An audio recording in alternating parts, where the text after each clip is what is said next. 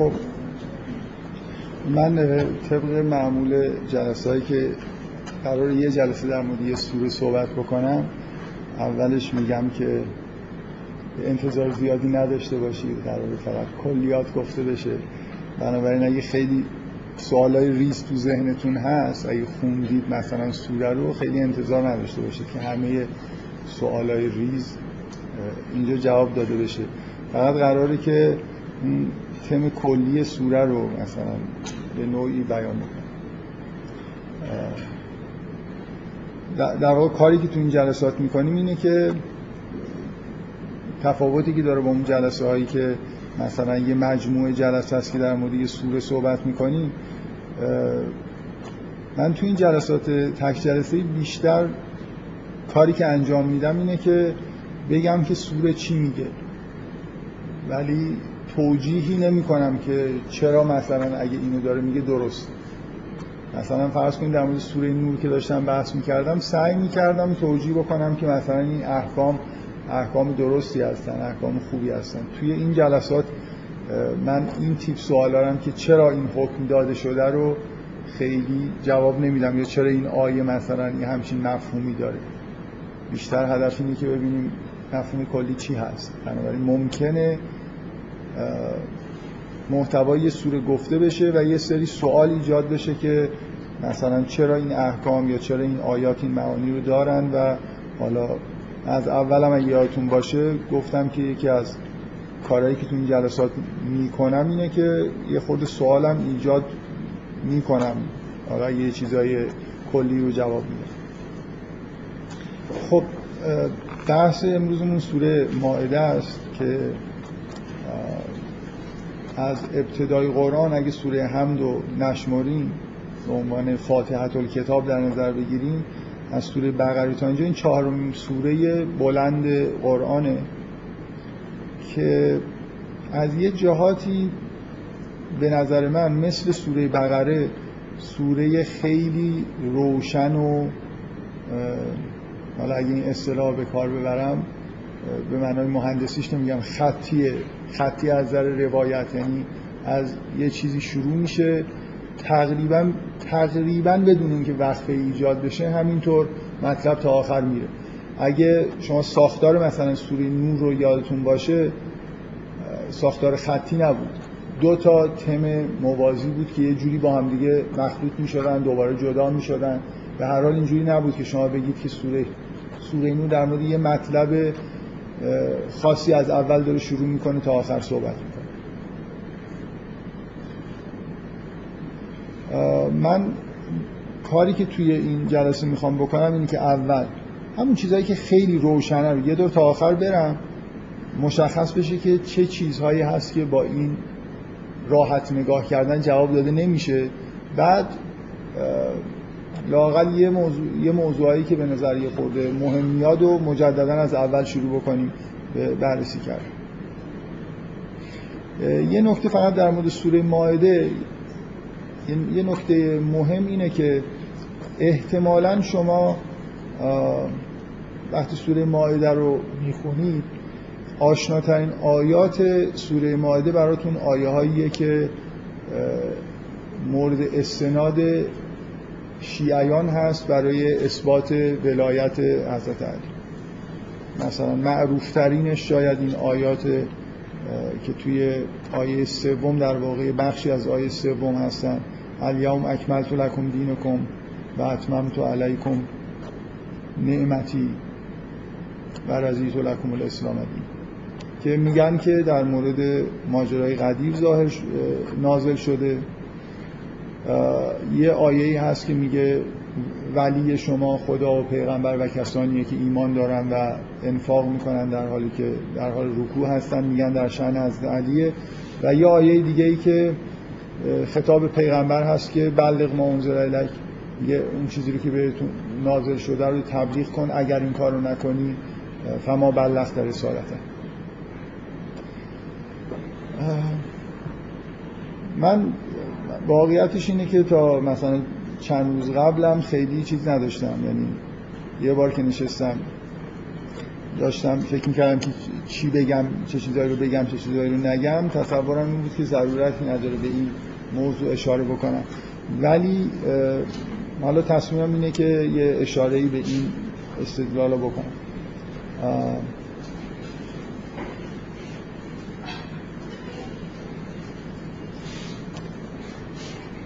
فقط از قبل اینو یادآوری می‌کنم که قبلا هم پیش اومده که من یه آیه هایی رو که شیعیان بهش استناد می‌کنن رو گفتم که استنادش درست نیست. یه جاهای دیگه ای عوضش مثلا حالا استناد رو ممکنه به نظرم درست برسه یا اصلا یه چیزی که بهش استناد نمیشه رو قابل استناد بدونم حال اگه به این نتیجه رسیدم که اینا خیلی قابل استناد نیست مثلا آیه این بخشی از آیه سوم معنیش این نیست که استدلال غلط معنیش نیست که حکم غلطه. نکته خیلی مهم. چون شیعیان خیلی خیلی زیاد سعی کردن که استدلال پیدا بکنن توی استدلالاشون هم ممکنه خیلیاش غلط باشه. بعضیاش قوی تره استدلال ضعیف. بدترین کار ممکن. برای اینکه اگه حکم درست باشم بعدا وقتی استدلال ضعیفه حکم در واقع یه جوری تحت شعا قرار میده. حالا من این مقدمه رو گفتم که یه جایی به حال اواخر جلسه در مورد این آیه معروف هم یه صحبتی می‌کنم. یه نکته دیگه قبل از اینکه بحث رو شروع بکنم اینه که سوره ماعده به طور قطع یکی از آخرین سوره های قرآن. مشهور اینه که سوره 112 113 است.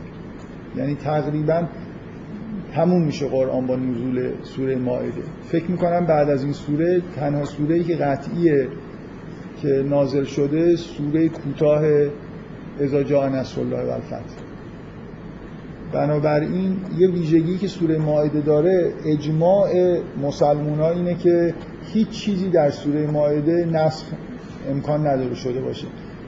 اگر مسلمان از اون نوع مسلمانه باشه که اصولا به نسخ معتقدن. یه اختلافی هست که مفهوم نسخ چیه؟ آیا آیاتی در قرآن وجود داره که توسط آیه دیگه نسخ شده باشه؟ به این معنا که مثلا حکم یه چیزی بوده بعدا تغییر کرده در یه آیه دیگه ای این کلا مورد اختلاف.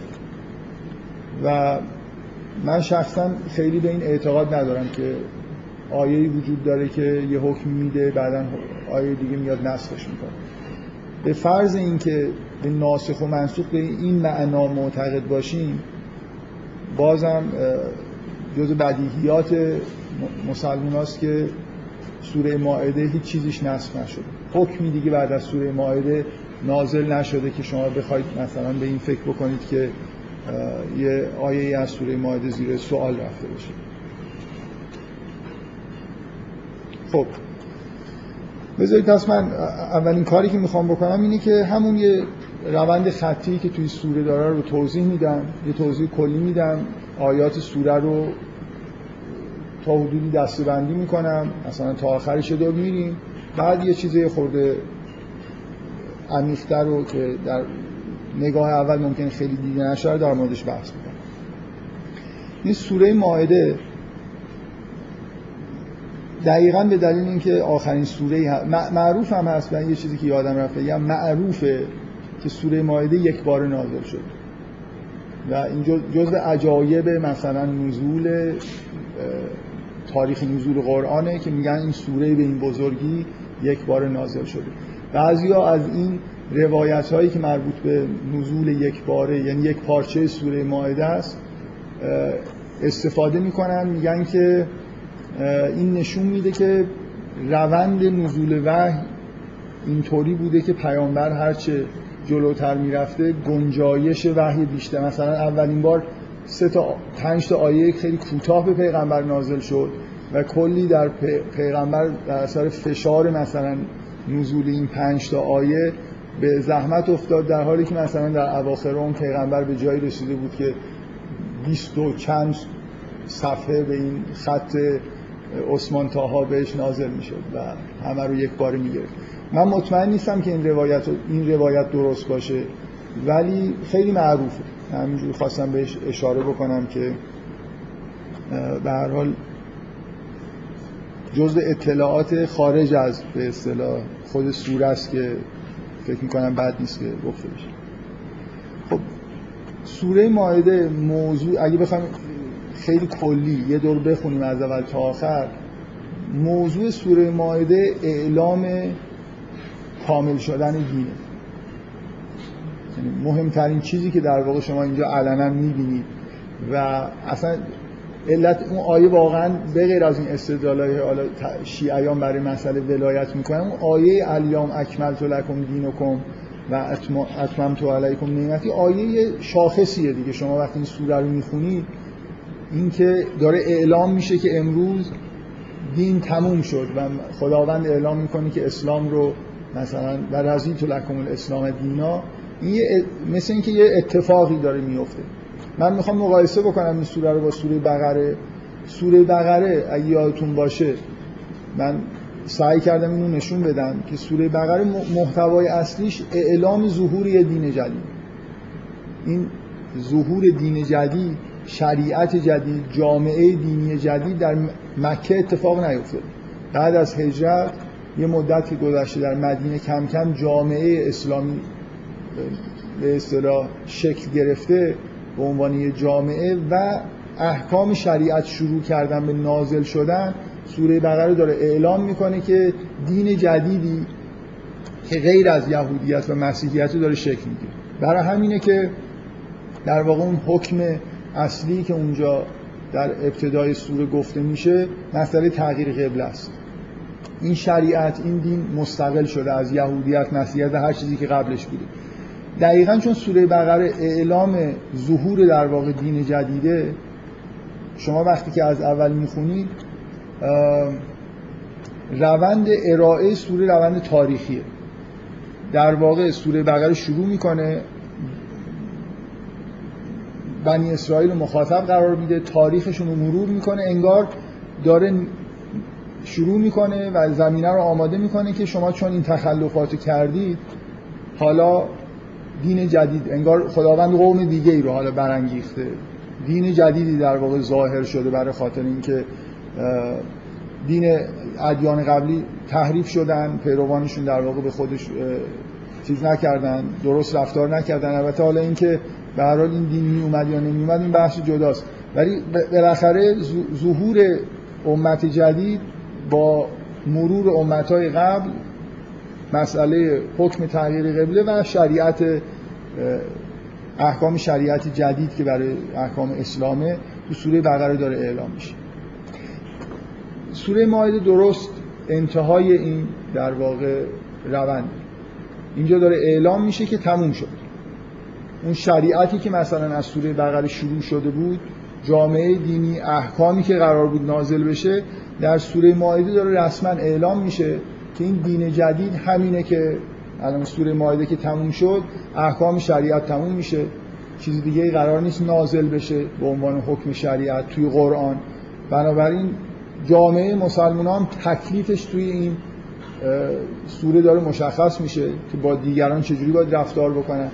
مثل یه پایان پایان نامه نه به معنای دانشجوییش مثل یه چیز اختتامی است.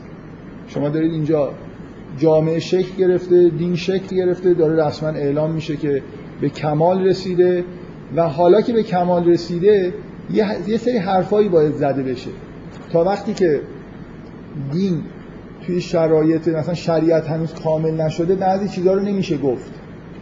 مثل اینکه شما بعضی اینکه این فایل رو بستید حالا می‌تونید مثلا فرض کنید به اهل کتاب این دین رو عرضه بکنید.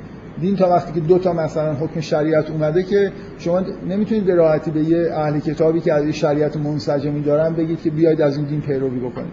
حالا بعد از اتمام این دین در واقع قراره که ما رابطه مثلا فرض کنید این دین با اهل کتاب رو ببینیم که چجوریه مردم مسلمان ها چجوری باید رفتار بکنن و الی بنابراین این این سوره در واقع برخلاف سوره بقره دیگه تاریخ نمیگه. همین الان در همین زمان فعلی سه تا دین وجود داره. این دین سوم هم که دین اسلامه به یه معنای دین اوله تموم شد.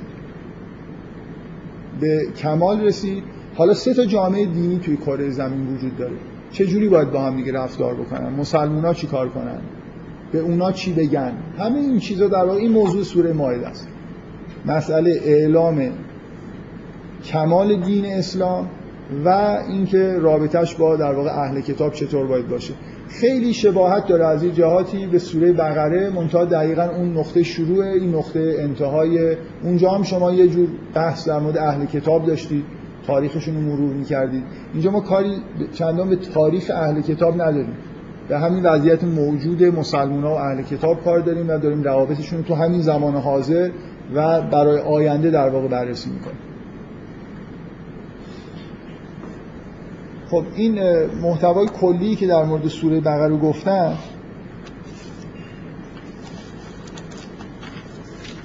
که یه ارتباطی که با در مورد سوره مائده گفتم ارتباطی که با سوره بقره داره ببینید من فقط به یه نکته توی این سوره اگه دقت بکنید شاید جالب باشه در مقایسه با سوره بقره. سوره بقره با یا بنی اسرائیل به معنای شروع میشه. یعنی خطاب های سوره بقره شما وقتی سوره بقره رو می‌خونید بعد از اینکه مقدمه گفته میشه مخاطب خداوند بنی اسرائیله. اون ادیان گذشته این انگار آدمایی که تازه ایمان آوردن تو سوره بقره برای اولین بار قرار مورد خطاب قرار بگیرن. خطاب ها از یا بنی اسرائیل شروع میشه و بعد از یه مدتی تو سوره بقره که پیش میرید بعد از اینکه مثلا تغییر قبله اعلام میشه و این دین جدید انگار داره اعلام میشه بعد برای اولین بار شما خطاب یا ایها الذین آمنو رو میشنوید. توی سوره مائده انتظار نباید داشته باشید اینجوریه اینجوری باشه. سوره مائده با یا ایها الذین آمنو شروع میشه با یا ایها الذین آمنو هم تموم میشه و در بینش خطابهایی به اهل کتاب وجود داره. اهل کتاب یه جوری دیگه حالا مخاطبهای فرعی خداوند هستن انگار. از ابتدا و انتها خطابای سوره مائده کلا اینجوریه. با ایها الذین آمنو شروع میشه. بعد بعد از یه مدتی یا اهل کتاب داره. بعد خطاب ها به حضرت رسول و دوباره مؤمنین برمیگرده. این تفاوت اساسی با فرم خطاب مخاطب سوره بقره است. سوره بقره انگار وقتی شروع میشه که هنوز دین اسلام شروع نشد. این یا ایها الذین آمنو داره تازه چیز پیدا می‌کنه. به عنوان یه جمعیت می‌تونه مورد خطاب قرار بگیره. در حالی که بنی اسرائیل وجود دارن ادیان قبلی وجود دارن.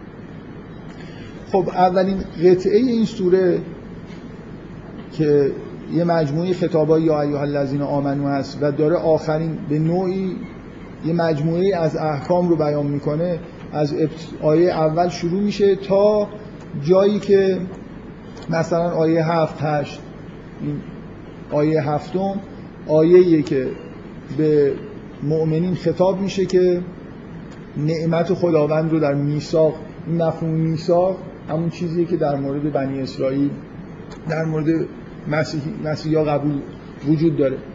خداوند نعمت اینکه خداوند با مؤمنین میثاق بسته با مسلمانان میثاق بسته رو بهشون یادآوری می‌کنه و اینکه در واقع ازشون خواسته میشه که وفادار باشن به این میثاقی که بر اساس شریعت جدید بر اساس پیامبر جدیدی که اومده در واقع به این میثاقی که بستن و اون عبارتی که هست که میگه و قولتون سمعنا و اطعنا به این قولی که دادن در واقع وفا کنن اینکه احکام این بخش چه چیزایی هستن احکام در مورد حلال و حرام خوراکی هاست. در مورد مسئله حرمت در واقع نگه داشتن حرمت شعائر الهی از جمله مثلا ماهای حرام مسجد الحرام. اولین نشانه ای که روابط جدید بین مسلمان و اهل کتاب اینجوری داره تنظیم میشه داره تو این سوره بیان میشه آیاتیه که به مسلمان خطاب میشه که تعام اهل کتاب برای شما حلاله و برعکس و می‌تونید باشون ازدواج بکنید. انگار یه جوری ببینید من نمی‌خوام الان خیلی در این مورد توضیح بدم ولی انگار تا وقتی که این دین هنوز کوچیک شکل نگرفته واهمه نسبت به مثلا اهل کتاب بیشتره.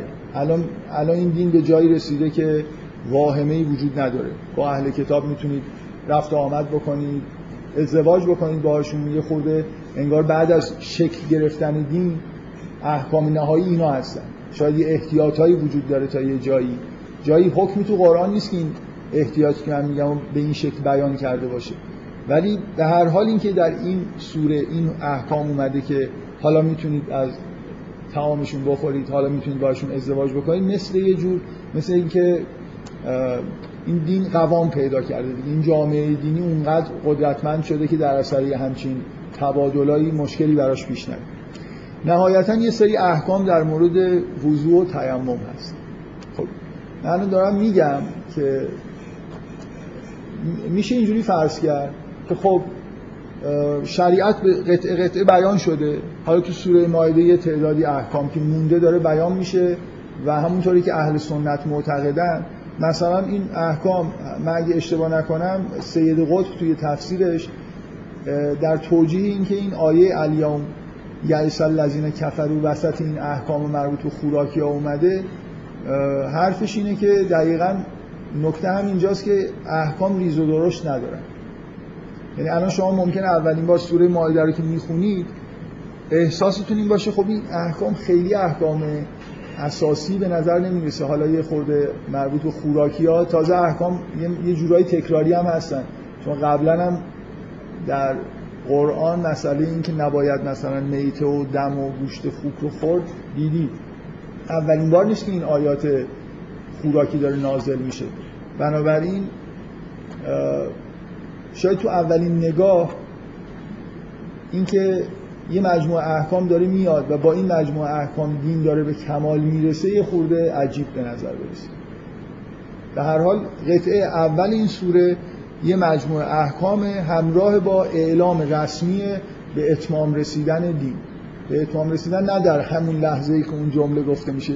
وقتی مثلا این سوره تموم شد یعنی الان جامعه دینی به کمال رسیده شریعت داره به کمال می‌رسه با همین آیاتی که داره نازل میشه و دین اسلام مثلا دیگه دین مستقلیه که حالا باید در مورد رابطش با سایر ادیان یه صحبت بشه. بعد از اینکه این مجموع آیات تموم میشه که حالا مثلا این قطعه ای که از اول سوره شروع میشه رو فرض کنیم که در آیه یازدهم به نحوی تموم میشه. یعنی یازدهم هم خطاب یا ایها الذین آمنو وجود داره و بسته میشه. یه مجموع خطاب به مسلموناست. احکام گفته میشه و نهایتا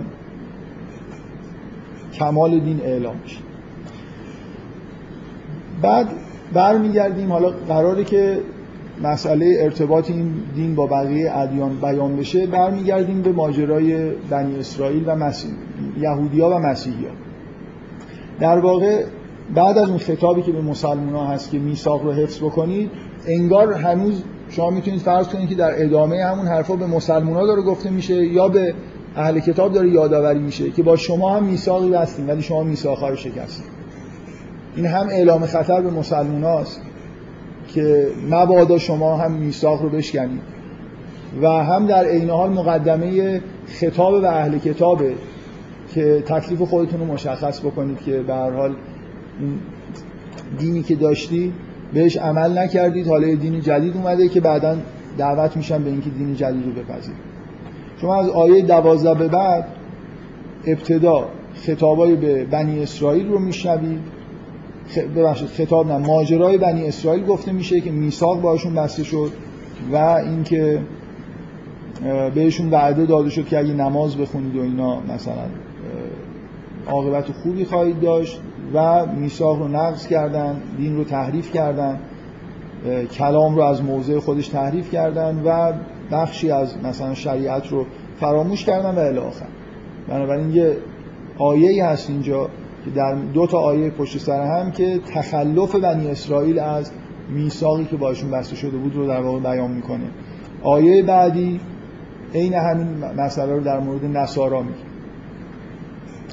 اون کسانی که می‌گفت گفتن که ما نصارا هستیم هم ازشون میثاقی گرفته شد بازم فراموش کردن و بینشون عداوت ایجاد شد تا انتهای سوره آیه 14 این دوتا ماجرا یادآوری میشه. اینا به وضوح پیوسته است. ادامه ذکر نعمت میثاق به مسلمان و دعوتشون به حفظ میثاقه و اینو در واقع به خوبی این دوتا یادآوری وصل می‌کنه به خطابی که مستقیما به اهل کتاب هست. اهل کتاب تو آیه 15 هم رسما دعوت میشن که این پیامبر جدید رو بپذیرن. دین دین تموم شده شریعت اسلام به کمال رسیده مثل اینکه حالا وقتشه که برای آخرین بار اهل کتاب دعوت بشن به پذیرش این دینی که دیگه دین کاملی یا یا اهل الکتاب قد جاءکم رسولنا یبین لکم کثیرا مما کنتم تخفون من الکتاب و یعفو عن کثیر قد جاءکم من الله نور و کتاب مبین از این کتاب قرآن و از شریعت و به اصطلاح دین جدیدی که ظهور کرده تحت عنوان اون نور یاد میشه. و گفته میشه که اگه ایمان بیارید این دین جدید شما را از ظلمت ها به نور هدایت می‌کنه. و به سرات مستقیم. این دعوت مستقیمه. و مستقیم که میگم برای خاطر اینکه مستقیما اهل کتاب توسط خداوند دارن مورد خطاب قرار می‌گیرن. یه خود جلوتر که میرید خطابا غیر مستقیم میشه. من کلا شما رو به شدت ترغیب می‌کنم که به این کاربرد واژه قول توی قرآن دقت بکنید. یه جاهایی خداوند میگه یا اهل کتاب یه جاهایی خداوند میگه که قول یا اهل کتاب. خدا با اهل کتاب صحبت نمی... هر حرفی رو خداوند با هر کسی نمی‌زنه. حضرت رسول واسطه ایه که بعضی از حرفا نقل میشه توسط حضرت رسول برای دیگران.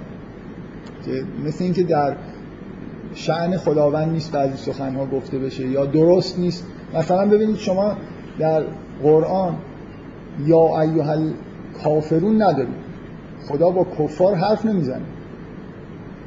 خدا با مؤمنین حرف می‌زنه با اهل کتاب هم حرف می‌زنه با بنی اسرائیل هم مثلا جز اهل کتاب هم حرف می‌زنه.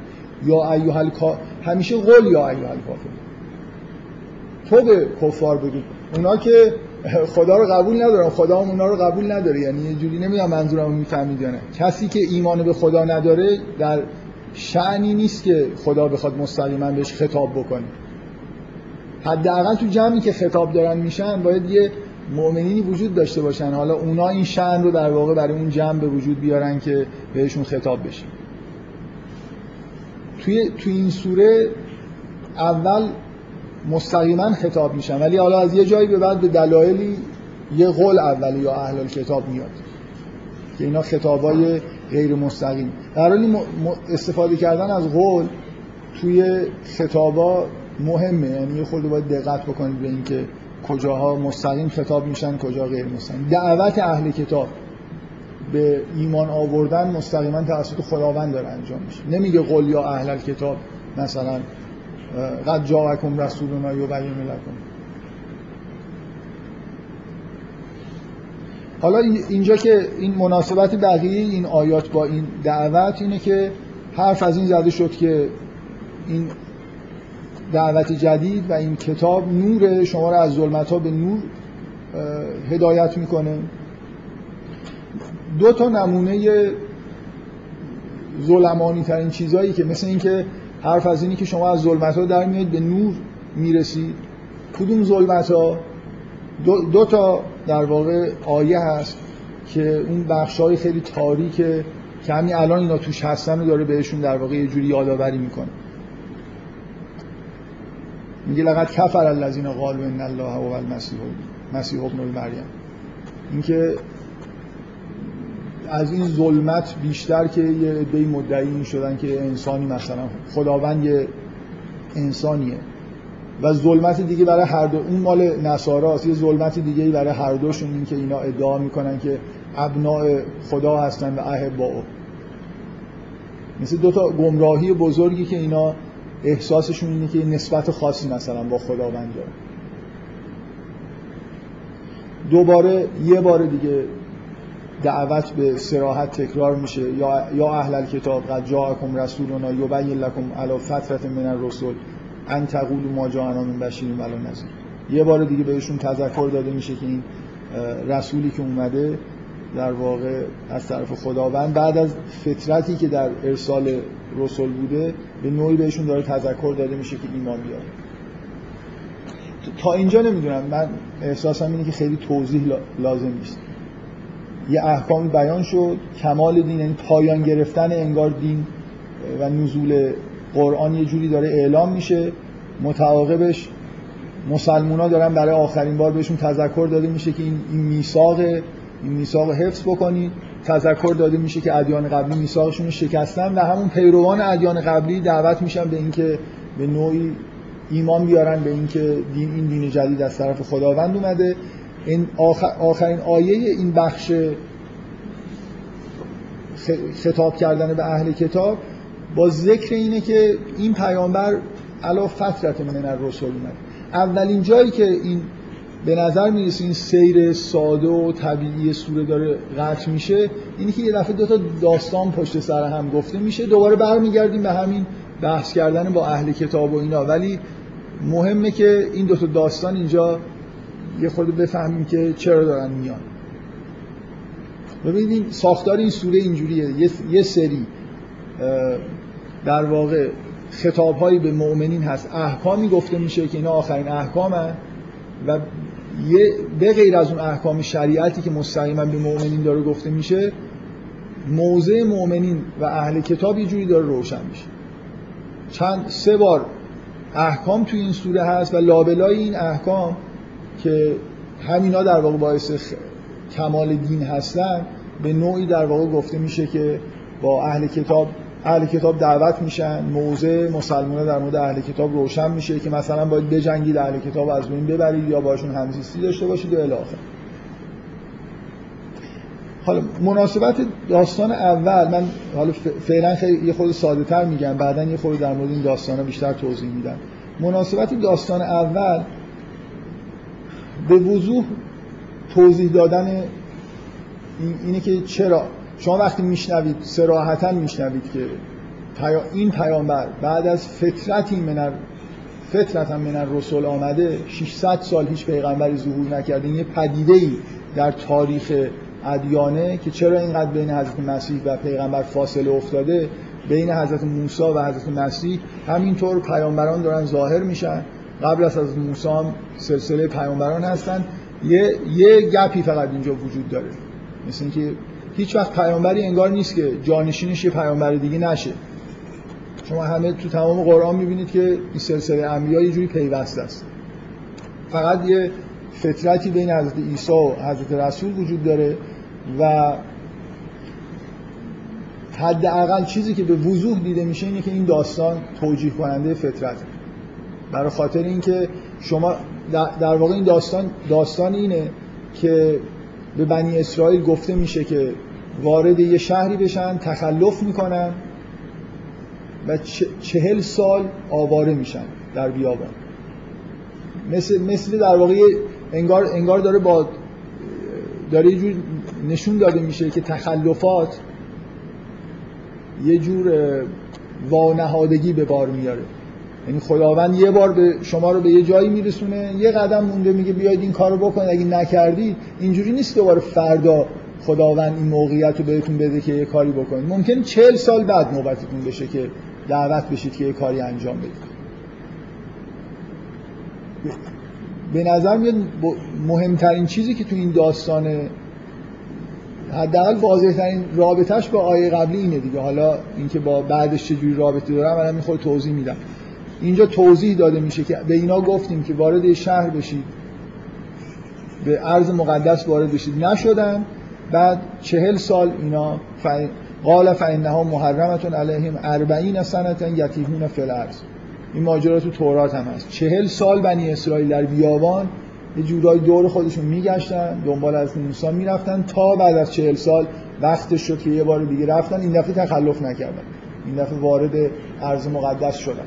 منتها از موسی توی این چهل سال از دنیا رفت و ورود بنی اسرائیل به ارض مقدس در زمان حضرت موسی انجام نگرفت به هر حال اینکه پدیده ای وجود داره وقتی همچین تخلف های آشکاری انجام میشه یه جور انقطاع به وجود میاد فطرت به وجود میاد. نمونهش این چیزی که در تاریخ بنی اسرائیل هست. این واضح ترین ارتباط این داستان با آیه قبله که توجیه می‌کنه که اصلا پدیده فطرت یعنی چی؟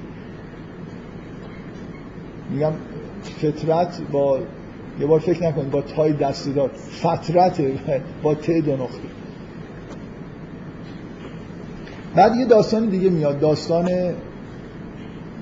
عجیب در تلیعه ظهور بشر در کره زمین که بشر خیلی عجله داشت که اون پیشگویی ملائکه رو که چرا اینا رو خلق می‌کنی اینا خونریزی می‌کنن و فساد به میارن می‌خواستن این حرف زمین نمونه در همون روزهای اول یکی از اولین آدم ها زد و یکی رو کشت. و این صحنه های به معنای واقعی کلمه فجیعه. واقعا نمی‌دونم حالا شما چقدر این احساس می‌کنید. خیلی این صحنه ها فجیعن. اینکه یه برادری داره یه برادر رو می‌کشه نمی‌دونی جسدش مونده نمی‌دونی چی کار بکنه. حالا منتظر میمونه مثلا بعدا یه کلاقی رو می‌بینه و جسد برادرش رو. این حالت مخصوصا اینکه این جسد روی زمین مونده این کسیه که قربانیش پذیرفته شده بود. حابیل آدم بهتریه قابیل در واقع جوری جنایتکاره. و ما احتمالا از نسل قابیل هستیم. قابیل مردی. همون آدم خوبا همون نسلشون در همون اول قطع شد متاسفانه. در همینه که اوضاع اینجوریه. وگرنه اگه حابیل می‌زد قابیل رو میکشت شاید مثلا اوضاع بهتر میشه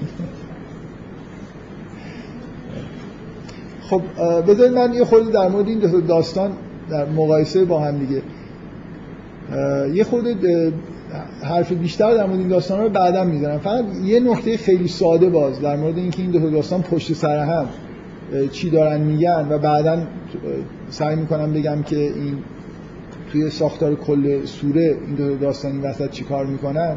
یه چیز خیلی واضح در مورد این دو داستان اینه که توی داستان اول شما در واقع صحنه رو می‌بینید که خداوند اعلام جنگ داره می‌کنه به مردم. داره اعلام می‌کنه که برن بجنگن و بکشن و اینا نمی‌کشن. تو اون یکی صحنه قراره که نکشن و می‌کشن. یعنی کلا این تقارن بین این دو تا داستان اینه که شما هر تو هر دوتاش دارید تخلفی می‌بینید. اون جایی که خون باید ریخته بشه به امر خدا. تخلف می‌کنن. اون جایی که محترم حرمت وجود داره باز تخلف می‌کنن و اون قتل انجام میشه. اینجا یه ابهامایی باقی میمونه یه ابهام خیلی واضح اینه که اول سوره اون احکام به چی دارن چرا اون احکام اول سوره مایده اومدن؟ به نظر احکام مهمی نمیاد. بعد قسم ابهام دو... بقیهش به نظرم خیلی واضحه. ابهام دوم اینه که این داستان حالا این وسط چرا کلام و قطع کردن. شاید شاید اگه داستان اول نبود فقط داستان دوم نقل می‌شد من می‌تونستم یه توجیه خیلی ساده بیارم. قراره که احکامی که از اول سوره شروع شده ادامه پیدا بکنه. این بخش میانی احکامی که داره بیان میشه احکام خشونت هم. احکامی هستن که به شما خداوند اجازه میده که قاتل رو بکشید. محارب رو به شدیدترین وجه ممکن مجازات بکنید. دوز رو دستش رو قطع بکنید. اینا اون احکامی هستن که الان با حقوق بشر میگن که منافات دارن. داستان به وضوح داستان حابیل و قابیل زمینه رو داره آماده می‌کنه. شما وقتی که از نظر حسی جسد حابیل رو می‌بینید که روی زمین افتاده کش بیگناه کشته شده توسط یه آدم دیگه ای که این نسبت حابیل نسبت بهش کاملا ارجعیت داشت و مورد لطف خدا قرار گرفته بود از روی حسادت و کسیفترین مثلا احساسات بشری قتل صورت گرفته ذهنتون آماده میشه که همچین خیلی هم نمیشه تو کره زمینی که همچین آدمایی وجود دارن و همچین روابطی وجود داره خیلی بدون خشونت زندگی کرد. یعنی حابیلی که سیاستش عدم خشونته که میگه که اگه لین بسط و این بسط الیه یدک لتقتلنی ما انا به باسط یدی الیه لتقتلنی لاقتلک میگه اگه تو دست سیاست عدم خشونت حابیل نتیجهش اینه که کشته میشه. و من یه بار اینو گفتم که شما اگه فرض کنید که حضرت آدم دوتا پسر داشت و کل نسل بشر از این دوتا قرار بود ساخته بشه یه مثلا این درخت شبیه درخت binary حالا اولش لاقل binary بوده با کشته شدن هابیل به همون اندازه‌ای که الان آدم وجود داره اون بر اون شاخه از بین رفت یعنی همین دو برابر این آدمایی که می‌بینید می‌تونست به وجود بیاد. و برای همینه که این آیه اینجا خیلی خوب به نظر می‌رسه که کسی که یه نفر بکشه انگار نسل بشر رو از بین برده. یه جوری قابیل به اندازه نسل بشر رو از بین برد با کشتن حابیل برای اینکه خیلی قدیمی این قتل دیگه در طلیعه ظهور آدم روی کره زمینه این اصلا ایشون گاهگداری تو کلاس که نشسته ایما و اشاره هایی می‌کنه جایی که راضی نیست. من ولی اگه خیلی کسی راضی نباشه باید حرف بزنه با ایما اشاره. من به حال ببینید نکته ای که داره گفته میشه با داستان حابیل و قابیل جنایتی داره به شما نشون داده میشه که بفهمید که نمیشه توی کره زمین خوب بودن به این معنا که من خب باشه اگه تو منو بکشی من من کاری بهت ندارم. ذهنتون آماده میشه برای اینکه نه اگه یه آدمی هست که آدم می‌کشه وظیفه خداوند داره امر می‌کنه که شما هم در مقابلش قاتل رو می‌تونید بکشید. می‌تونید بکشید. واجب نیست بکشید. در مورد محارب کسی که کارش مثلا فرض کنید راهزنی جامعه رو مثلا یه آدم مسلحی که فرض کنید معمولا الان محارب و معنی سیاسی مثلا محاربه با حکومت و اینا. کلا محاربی آدمی که مسلحه و مثلا حالا راهزنی می‌کنه مردم رو با اسلحه می‌کشه تهدید می‌کنه. کسی که محاربه انجام میده در مقابل جامعه مثلا اسلامی میسته این هم حکمش اینه که فساد داره ایجاد می‌کنه. به شدیدترین وجه ممکن می‌تونه تعدیب بشه. و همینطور سارق. اینکه سارق آیا معنیش اینه که یه نفر که مثلا یه قرص نون نیست. سارق آیا یعنی کسی که دزده؟ از راه دزدی داره زندگی می‌کنه یا اینکه نه یه بار مرتکب یه دزدی شده این بحث فقهی لازم داره دیگه. حالا فعلا چیزی که به وضوح اگر کسی سارقه دزد هستن یعنی مثلا فرض کنید کارش این از دیوار مردم بالا میره اینم به شدیدترین وجه ممکن میشه مجازات کرد. اینا احکام شدید لحنی هستن که به شما دارن مجوز میدن که در مقابل آدمایی مثل قابیل وایسی مثل حابیل عمل نکنید که نسلتون منقرض بشه. به هر حال سیاست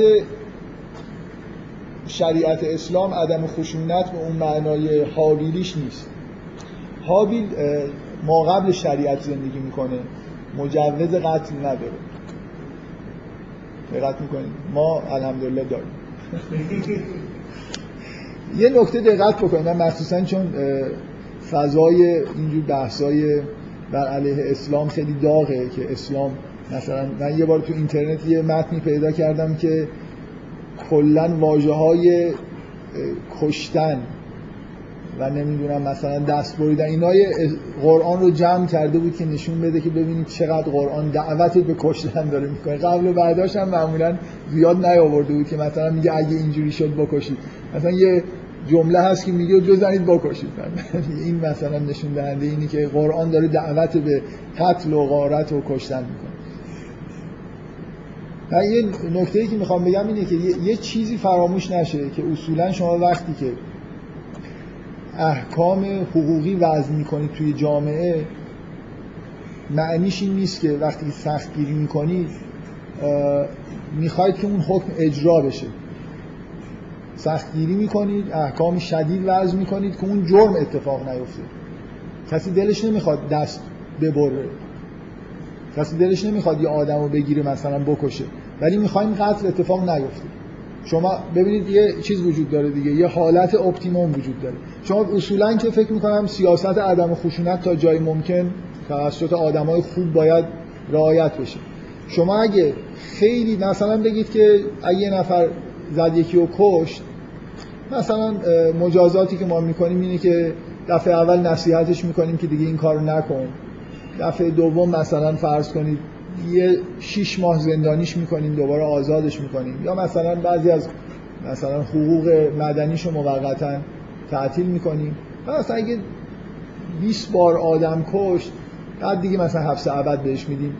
غربی ها که اصولا یه عده معتقدن جزو حقوق بشر انگار که هیچ وقت حکم اعدام صادر نشه شما اگه خیلی ساده بگیرید مثلا بگید که اگه یه نفر آدم کش نصیحتش می‌کنیم خب قابیلا به راحتی حابیل می‌کشن. یعنی واضحه که توی این کره زمین از اینجور اتفاقات زیاد میفته تا یه حد اپتیمومی وجود داره که نه خیلی دیگه خشونت بیش از حد باشه. یه جایی که شما مجازات رو در حدی سخت بذارید که انگیزه های اون عمل خلاف از بین بره دیگه. اگه من بگم که تو اگه آدم بکشی لاقل احتمال کشته شدن تو وجود داره کمتر احتمال داره که بری سراغه ببین یه آدم ممکنه توی شرایطی شما اگه توی ایالتی توی آمریکا زندگی می‌کنید که حکم اعدام نداره واقعا احتمال اینکه حبس ابد بگیره براش قابل تحمله ولی نمی‌تونه تحمل کنه که این آدم مثلا زنده باشه.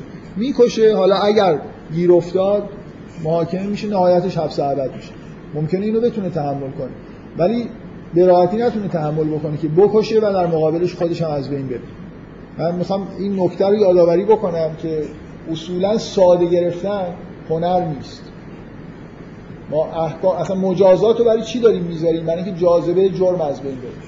حالا بحث این که مجازات مثلا قتل کجا باید قرار داده بشه که جاذبه کشتن از بین بره غربیا میگن حبس ابد کافیه و شریعت اسلام میگه که نه حبس ابد کافی نیست. باید لاقل حالا من اینم ممکنه یه بحث بکنن که چون در زمان نزول قرآن مثلا زندان وجود نداره امکان دادن حکم زندان وجود نداره حکم قتل صادر شده مثلا بیان بحث بکنن شواهد قرائم بیارن که نه میشه اینو یه خود تخفیفش داد. در هر حال اون چیزی که در شریعت داره بیان میشه اینه که حکم قتل قصاص اگه کسی رو بکشید کشته میشید نه الاخر قصاص وجود داره محارب رو می‌کشن دست دزد رو حالا حداقل به معنای کسی که از طریق سرقت داره زندگی می‌کنه رو یعنی سرقت شغلشه قطع می‌کنن و اینا احکام سنگین و خشنی هستن که دارن بیان میشن بعد از داستان کشته شدن قابیل به دست حال. اون داستان خیلی مهمه که این خشونت رو توجیه می‌کنه که چرا باید قاتل کشته بشه چرا باید محارب مثلا کشته بشه یا به صلیب کشیده بشه و الی آخر. خب پس اون روند صحبت کردن با اهل کتاب قطع شد یه مجموعه احکام جدید اومد. این دوتا داستان اولا به آیات قبل خودشون به خوبی چسبیدن به دلیل اون توضیح در واقع مسئله فطرت فطرت با تی دو نقطه و دو تا داستان هم خیلی با هم دیگه تقارن خوبی دارن و این داستان دومی هم به خوبی چسبیده به آیات بعدش که احکام مجازات های اسلامی داره بیان میشه. مثلا حکم دوز همینجا اومده توی قرآن. یا حکم محارب به این شکل این... یعنی اینا واقعا مثل بعضی از احکام خوردن مثلا اون سه چیز حرام نیست که قبلا هم تو قرآن اومده باشه. این آیات شدید و مجازات ها در اولین بار اینجای قرآن داره میاد. خب سوره ادامه پیدا می‌کنه حالا با آیه هایی که خطاب این دفعه به حضرت رسوله این اکمال دین اعلام شد اهل کتاب به نوعی دعوت شدن. شما انتظار دارید که چه اتفاقی بیفته؟ اهل کتاب ایمان بیارن یا ایمان نیارن؟ آیات بعدی داره سراحتا میگه که امیدی به ایمان آوردن اینا زیاد نیست. یعنی شما تصاویری دارید می‌بینید از اینکه یهود روابط خوبی با مسلمان ندارن. پیامبر مثلا محزون از اینه که اینا چرا یسار اون فل کفر اینا نه تنها ایمان نمیارن اینا از همه به این دین جدید کافرترن. یعنی یه جوری خصومت مثلا یهودیا با مسلمونا با این دین جدید از مشرکین هم انگار شدیدتره شتاب می‌کنن در کف ورزیدن نسبت به این. دین بنابراین آیات بعد در واقع بیان اینه که ما به دنیایی داریم وارد میشیم که امیدی به اینکه این دو تا دین همینطوری در اثر دعوت ایمان بیارن نباید داشته باشیم. به پیامبر و به طور غیر مستقیم به ما اگه پیروان پیامبر باشیم گفته میشه که محزون نباش از اینکه اینا یسارمون فل کفر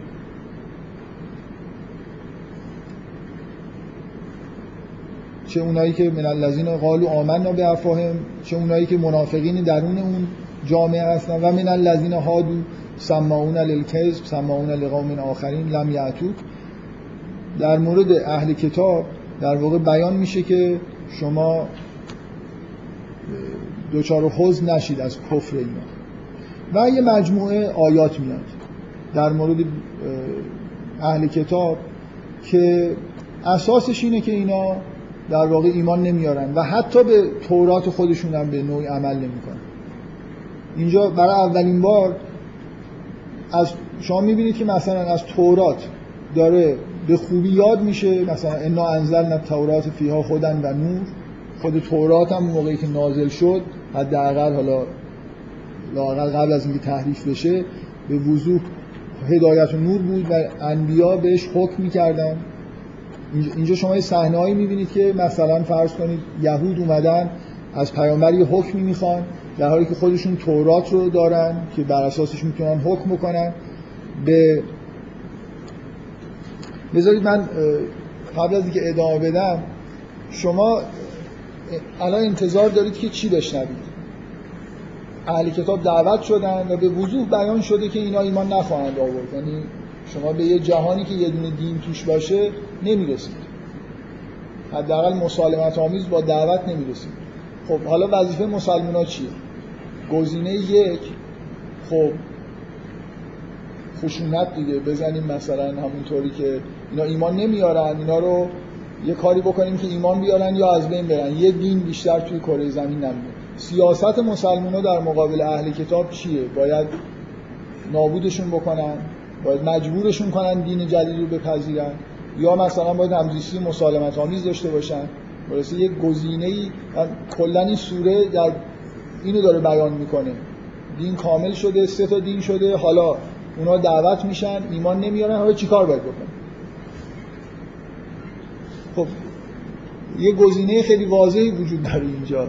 حداقل من مخصوصا برای همین تاکید کردم که این سوره یه جور سوره پایانیه قرآن احتمال نسخ در آیات سوره ماهده وجود نداره. کسی نمی‌تونه ادعا بکنه که الان اینجا یه چیزی گفته میشه بعدا یه جوری توسط یا آیات دیگه نه. چون هر چی که آیه تو قرآن هست که مسلمان خلافش عمل کردن یه جوری میگن نه اون آیه بعدا مثلا با یه روایتی با یه چیزی نسخ شد. سوره ماهده دیگه خیلی بعیده که از هیچ مفسری مدعی این که ماهده بتونه نسخ بشه نیست. تو سوره ماهده شما تو همین قطعه بعد از اینکه اعلام میشه شما تصاویری می‌بینید از کفر یهودی ها و از اینکه با مشرکین مثلا یه جوری بیشتر همکاری می‌کنن تا مسلمان از یهودی ها خواسته میشه که بر اساس تورات زندگی کنن.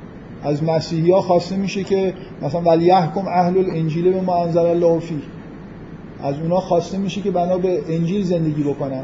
و به پیامبر به سراحت گفته میشه که میگه انا انزلنا این آیه که من چند بار قبلا هم بهش استناد کردم. انا انزلنا الیک الکتاب بالحق مصدقا لما بین یدیه من الکتاب. ما این کتاب رو به حق نازل کردیم که کتاب های قبلی رو تصدیق می‌کنه و مهیمنن علی و یه جوری نگهبان اون کتاب های قبلیه. فحکم بینهم به ما انزل الله بر اساس اون چیزی که خداوند نازل کرده حکم ولا تتبع اهواهم اما جایی که من از اهوا اینا هم تبعیت نکن. لکلن جعلنا منکم شرعتا و منهاجا.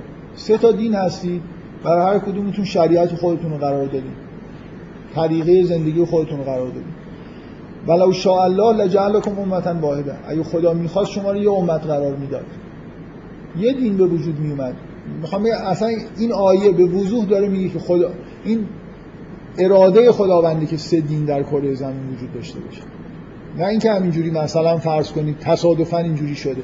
یعنی خداوند با علم به این که وقتی شریعت یهود میاد این قوم تا ابد پیروانی این شریعت تا ابد پیروانی خواهد داشت. وقتی مسیح میاد دین جدیدی میاد تا ابد باقی میمونه این ادیان به وجود اومدن. می‌تونست خداوند میگه اگه خداوند می‌خواست لجعلکم امتا واحده یه بار یه دین و یه امت به وجود می آورد خداوند سه امت در کره زمین به وجود آورد.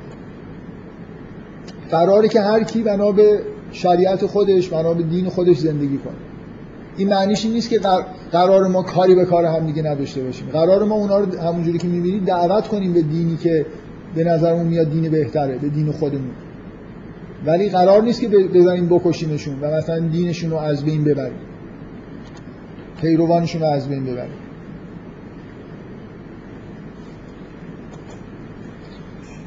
میگه ولکن لیبلوکم فیما آتاکم. شما در این چیزی که بهتون داده شده آزمایش پس بدید. فسبق الخیرات این حسنش اینه که سه تا از همدیگه پیشی بگیرید در کار خیر. یعنی مسلمان ها ببینن که مسیحی ها چقدر مثلا کارهای تبلیغی می‌کنن چقدر فداکاری می‌کنن. مسلمان ها بر اونا پیشی بگیرن. می‌بینن مثلا چقدر توی جامعه مسیحی امور خیریه رواج داره. مسلمان هم سعی کنن بیشتر از اونا این کار رو انجام بدن. ببینید یهودی ها چقدر مثلا شنبه خودشون رو مقدس قرار میدن. شما هم نماز جمعه خودتون رو سعی کنید که به خوبی مثلا روز جمعتون رو پابرجا نگه دارید و الی آخر. کلا اینکه سه تا دین وجود داره این حسن درش هست که می‌تونید با هم دیگه رقابت بکنید در خیرات نه در بدی ها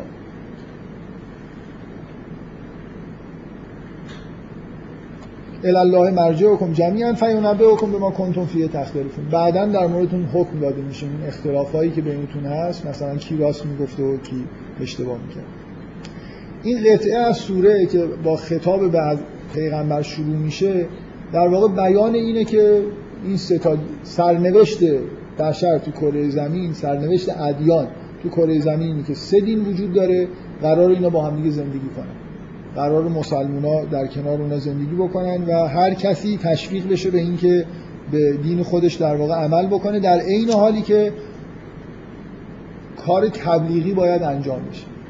مسلمونا باید مسیحی ها و یهودی ها رو تبلیغ قرارشون انجام بدن که به اسلام ایمان بیارن. اینجوری نیست که همزیستی مسالمت آمیز معنیش این نیست که ما هیچ بحثی با هم دیگه نکنیم دیگه. شما که دین الهی هستید ما هم هستیم.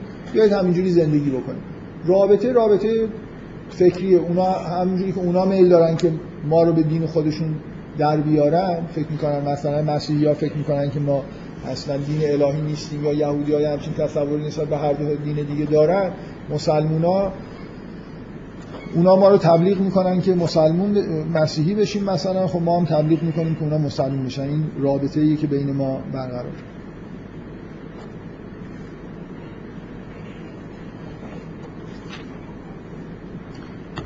خب حالا این وقتی این تثبیت شد که مسلمان ها قراره که همه این حرفای جوری بعد از تموم شدن دین هم بیان اتمام شریعت داره زده میشه. جای این حرفا همینجاست.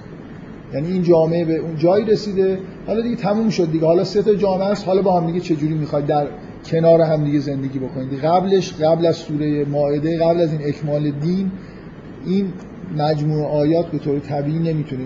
اینکه چرا این آیات این روابط مسلمان با اهل کتاب اینجا داره تنظیم میشه به وضوح این نتیجه اعلام پایان در واقع دین اسلام.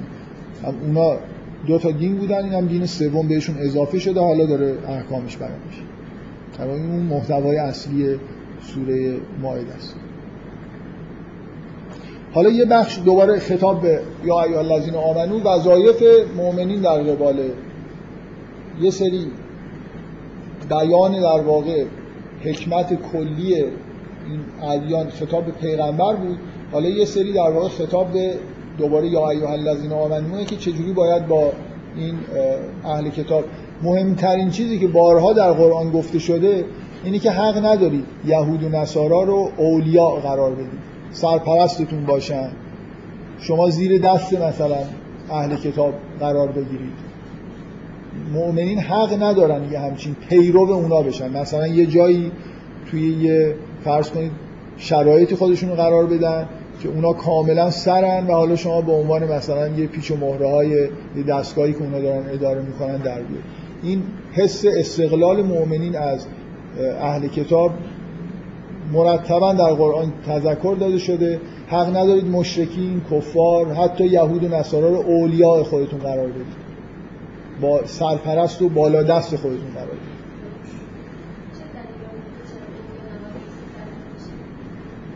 همه جا تو قرآن اینجوری به کار رفته دیگه.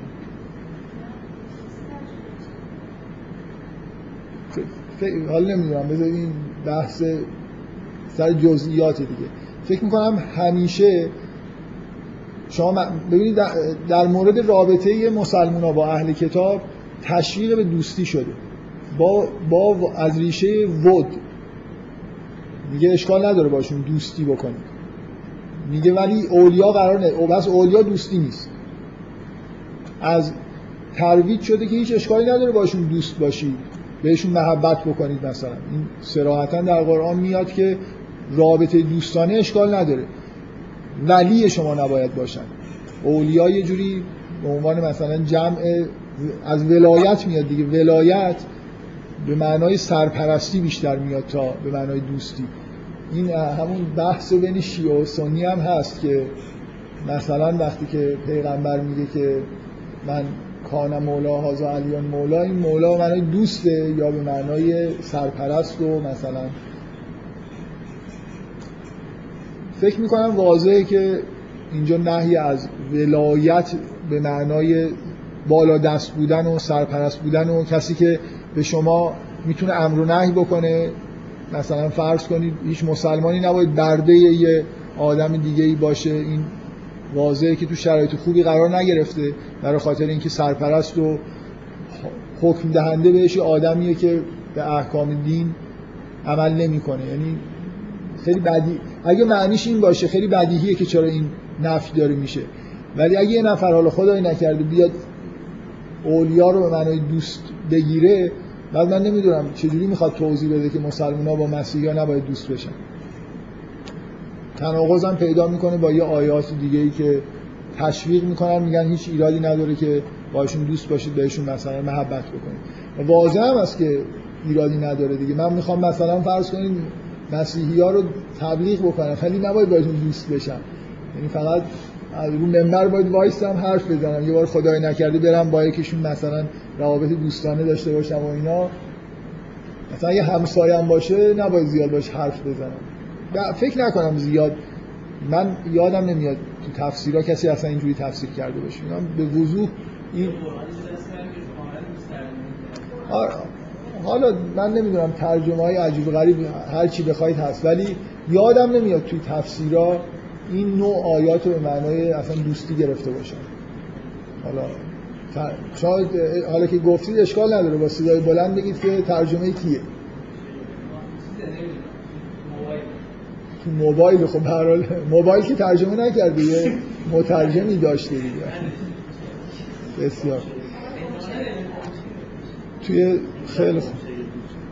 از آقای قمشهی بعیده حالا بگذاریم. در حال فکر می‌کنم تقریبا واضحه که اینجا اولیا به معنای بالادست و سرپرست و ولی به اون معناست. آره مثلا ازدواج میشه کرد ولی دوست نمیشه شد. مثلا شما با ازدواج کنید دشمن همسرتون باشید خیلی ممنون از این کمکی که کردید چون این حداقل آیه ازدواج همینجاست. یعنی دو, دو قدم اون برتره بدیهیه که این همه آیاتی که میگه که اولیاء قرار ندید یعنی سرپرست و بالا دست خودتون قرار ندید. مثلا مشرکین نباید بالا دست یه مسلمان باشه. دوستی با هر کی می‌خواید دوستی بکنید اشکال خب اولین نکته در مورد مؤمنین اینه که نباید با نسبت اهل کتاب نباید رابطه ولایی به این معنا داشته باشن. من یه خورده از اینکه زیاد باز داره طول می‌کشه نگرانم. بذار یه مقدار دور اولو که می‌خوام برم آخر حد اکثر تو یه ساعت باید تموم کنم. اگه اشکال نداری یه خورده سریعتر میگم. قرار نیست که خیلی وارد جزئیات بشیم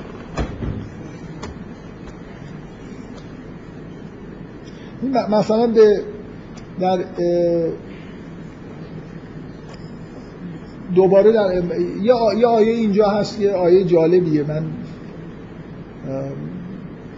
بعد نیست یه توضیح حداقل در موردش بدم. اینکه اولا شما می‌بینید که اینجا گفته میشه که اونایی که حالت نفاق درشون هست تمایل به اهل کتاب دارن. مثل اینکه یه جوری اختار داده میشه که توی درون مسلمون ها یه گرایش های اینجوری به اهل کتاب وجود داره. و یه آیه خیلی خیلی جالبی تو سوره ماعده هست که تنها جایی که توی قرآن از مفهوم ارتداد صحبت شده.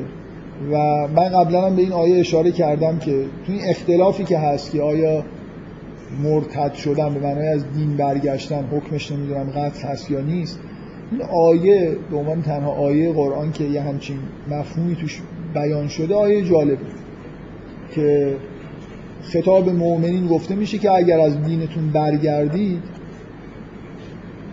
ممکنه انتظار داشته باشید بگید که خب دست و پاهاتون رو می‌بریم سرتون رو میندازیم تو چی؟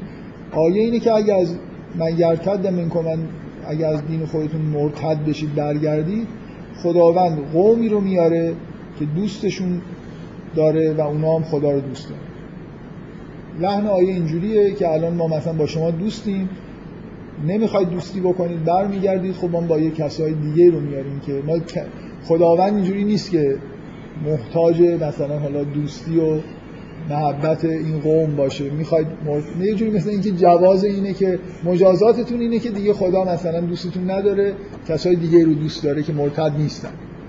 و این یه خود مغایرت داره با این فضای این که یه نفر مرتد شد حکمش فکر کنید حکم مرتد قتله. این آیه یه جوری دیگه معنیدار نیست.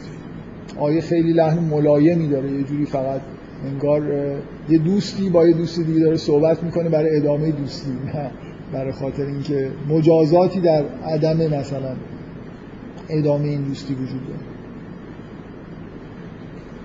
و این آیه ای که باز این آیه معروفیه که بعد از اینکه میگه که اونا رو ولی خودتون قرار ندید میگه انما ولیکم الله و رسوله و الذین آمنوا و الذین والذین آمنوا الذین یقیمون الصلاة و یؤتون الزکات و هم راکعون. اینجا گفته میشه که شما تحت ولایت خدا و رسول و مؤمنین باید باشید نه تحت ولایت اهل کتاب یا مشرکین. مجدد یک صفحه از اول تا آخر شما می‌بینید همین این مفهوم که کی باید در شما ولایت داشته باشه داره روش بحث میشه. من حالا بعدا در مورد آیه اول ممکنه یه خدشه‌ای به اون استدلال وارد بکنم. به وضوح اینجا مصداق این آیه حضرت علیه. درش شکی نیست که مصداق بارز کسانی که در واقع بعد از حضرت رسول به مؤمنین ولایت دارن نمونه مصداق کاملش حضرت علی. بنابراین اینکه این آیه رو میگن در شأن حضرت علی نازل شده حتی اگه اون داستان نمی‌دونم انفاق در حال رکوع راست نباشه اینکه مصداق اصلی حضرت علیه واقعا واضحه. از من واضح. ندارم اعلام عقیده می‌کنم. نمی‌خوام بگم که اینجا چیزی رو میشه ثابت کرد با این به مؤمنین تذکر داده میشه که ببین یه چیز خیلی جالبی وجود داره که به مؤمنین تذکر داده میشه که اینا دین شما رو مثلا به مسخره می‌کنن. وقتی که شما اذان میگید مثلا ندا می‌دید برای نماز اینو به مسخره می‌گیرن. به انهم قوم لا یعقل من یه نکته ای بگم این نکته های عبرت انگیزی که تو این جلسات قبل می‌گفتم. ببینید واقعا این پدیده فوق العاده ایه خیلی قابل تحمل شگفت انگیزه که قوم یهود فکر کنید یا مسیحی ها حالا مخصوصا در اینجا بیشتر مورد خطاب یهودی ها هستن که توی مدینه زندگی می‌کردن. یه عده از اعرابی که مشرک بودن دین نداشتن گرایش پیدا کردن به یه دین توحیدی. و یهودی ها ناراحتن. این پدیده شگفت انگیزیه که یه عده حرفشون یه عده که اصلا خداشناس نبودن بتون پرستیدن خداشناس شدن. و میگن همون خدایی رو دارن میپرستن که اونا میپرستن. یهودی ها خوشحال نیستن ناراحتن از اینکه تعداد موحدین. برای خاطر اینکه این دکون با دکون اینا مثلا یکی نیست. یعنی یه جوری انگار انگار یه عده دیگه مؤمن بشن ضرری داره به یهودیا با مسخره می‌کنن. خوشحال نیستن از اینکه یه عده‌ای توی عربستان پیدا شدن. بیشتر احساس بیشتر همکاری می‌کنن با مشرکینی که می‌خوان این موحدین جدید رو از بین ببرن. وقتی که دین از حالت محتوایی خارج میشه فکر می‌کنم این من یه بار توی کلاس گفتم الان مثلا اگه یه جنبشی توی آمریکا به وجود بیاد و یه عده آدم خیلی متدین و موحد و خدا پرست بشن ولی اینکه مسلمون نشده باشه یا شیعه نشده باشن. الان واقعا اگه مثلا این شاخه های اهل سنت توی دنیا پیشرفت می‌کنن مسیحی ها به یه به اسلام گرایش پیدا می‌کنن. خیلی وقتا این به وضوح شیعیان خوشحال نیستن ناراحت. از اینکه یعنی اینجوری حساب نمی‌کنن که تعداد خدا پرستا تو کره زمین زیاد شد. اینکه مال فرقه ما نیستن اینا مال خانواده ما نیستن این چیز جالبی نیست. این خیلی عبرت انگیزه که اینجوری نباشیم. وحشتناک این آیه که میگه که وقتی که شما می‌خواید نماز بخونید اذان میگید مثلا برای نماز یهودی ها مسخرتون می‌کنن برای من که خیلی وحشتناکه امیدوارم شما می‌خواید بترسید از اینکه توی همچین موضع های یادتون نره که دین برای چی اومده. دین اومده برای اینکه مردم خداپرست باشن. حالا یه خورده این وری و یه خورده اون وریش زیاد مهم نیست. یعنی الان اگه مثلا فرض کنید توی آفریقا قبایل یه جوری که اصلا موحد نیستن مسیحی شدن هم شما باید خوشحال بشید برای یه قدم دین الهی در دنیا ترویج شده ولی وقتی مسلمان ها موضعشون اینه که به مسیحی ها و یهودی ها میگن کافر به هندی ها میگن کافر و همه به غیر خودشون میگن کافر. بنابراین هیچ احساسی بهشون دست نمیده وقتی که یه نفر تو آفریقا مسیحی میشه ممکن ناراحت هم بشه یعنی ممکن بود بشه مسلمونش کرد. الان این کار سخت شد. از مسیحی به اسلام ممکنه سخت تر باشه یعنی یه جوری انگار همه چیز اینه که همه مسلمون بشن. واقعا این موضع خیلی شیوع داره اینجور نگاه به مسئله دین که اهل کتاب هم جز دشمنا و خارج از دین اسلام هم. من بارها اینو گفتم. این چون یه تحقیق بیطرفانه زبانشناسانه است نه ایدئولوژیک که ایزوتسو انجام داده. که تو کتاب خدا و انسان در قرآنش میگه تا قرن دوم یه دایره وجود داره از نظر مفهومی که آدمای که مؤمنین و مسلمان ها و اهل کتاب و اینا توش هستن. یه عده مشرکین و کفاری کسایی که بیرون این دایره. از قرن دوم به بعد یه دایره وجود داره که مسلمان ها توشن اهل کتاب و هر چی دیگه غیر مسلمان ها بیرونن که کفارن و میشه بهشون مثلا یه جورای محدور دم هم هستن. یعنی هر کار خشونت آمیزی هم همونطوری که با مشرکین میشه کرد با اهل کتاب هم میشه کرد. من نمیگم با مشرکین می‌شد کرد یعنی فرقی بین رفتار مسلمان با اهل کتاب و مشرکین و کفار و چیزی نیست. اونا هم جزو کفار حساب میشه. در قرآن اهل کتاب جزو کفار نیستن. و واژه کفار رو برای اهل کتاب استفاده نمی‌کنه توی قرآن. مثلا گفته میشه من الذین کفروا من اهل کتاب اونهایی از اهل کتابی کافر شدن. بله توی اهل کتاب یه عده مؤمنن یه عده کافر. بفرمایید.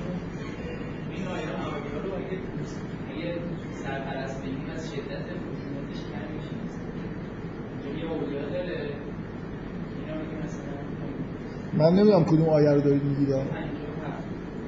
خب؟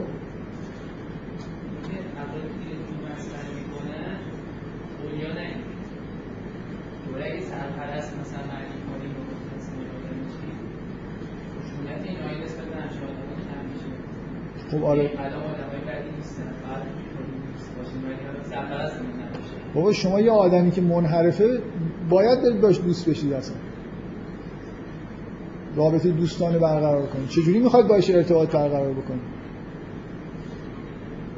انحراف ذهنی داره. شما من نمی‌فهمم اصلا منظور. شما با مشرکین هم می‌تونید برید دوست بشید. رابطه دوستانه بهشون محبت بکنید چه اشکالی داره؟ خشونت چی قرار اصلا کلا قرار نیست که با کسی ما روابط خشونت آمیز برقرار بکنیم. این آیات هم اصلا اتفاقا خوب دارید میگید که حتی یارو که در مورد کسی که داره مسخره می‌کنم نمیگه که باش دوست نشید. میگه اینو با سرپرست خودتون قرار ندید. پیرودشون نشید. یه جوری توی موضع بالاتر از شما توی جامعه که زندگی می‌کنید قرار نگیرن. مثلا اگه می‌بینید که اینجوریه مهاجرت کنید. اگه می‌بینید که اگه اینجا وایسی تحت نفوذ و سلطه اونا قرار می‌گیرید باید ازشون تبعیت بکنید سعی کنید توی این موضع قرار نگیرید. دوست با هر کسی می‌خواید. من رسما بهتون جواز میدم. با هر کی دلتون می‌خواد دوست بشید.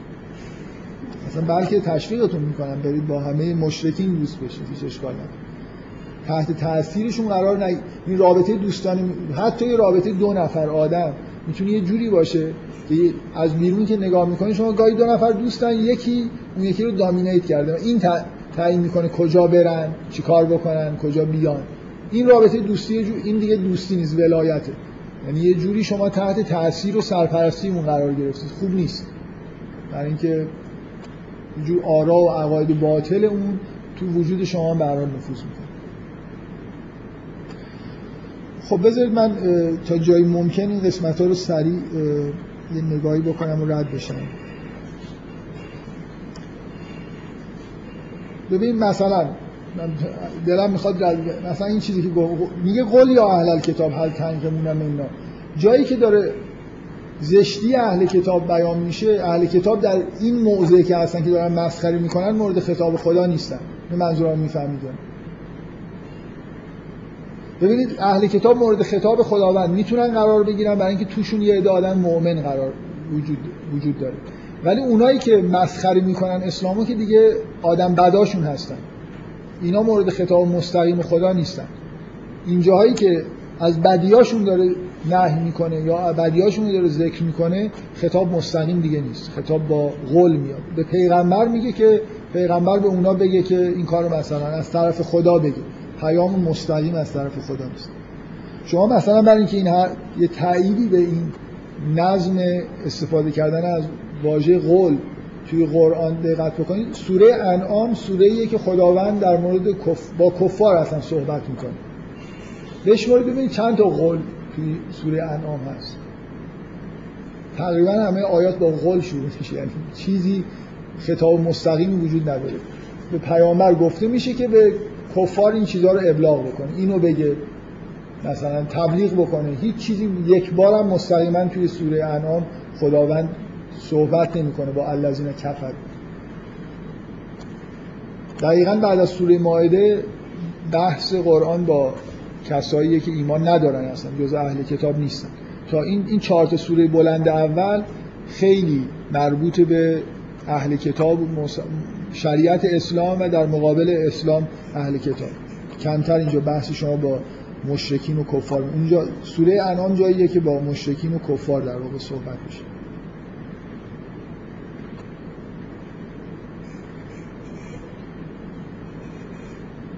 من اگه اجازه بدید این قسمت این صفحه 118 رو که وضع وخیم اهل کتاب مثلا داره بیان میشه.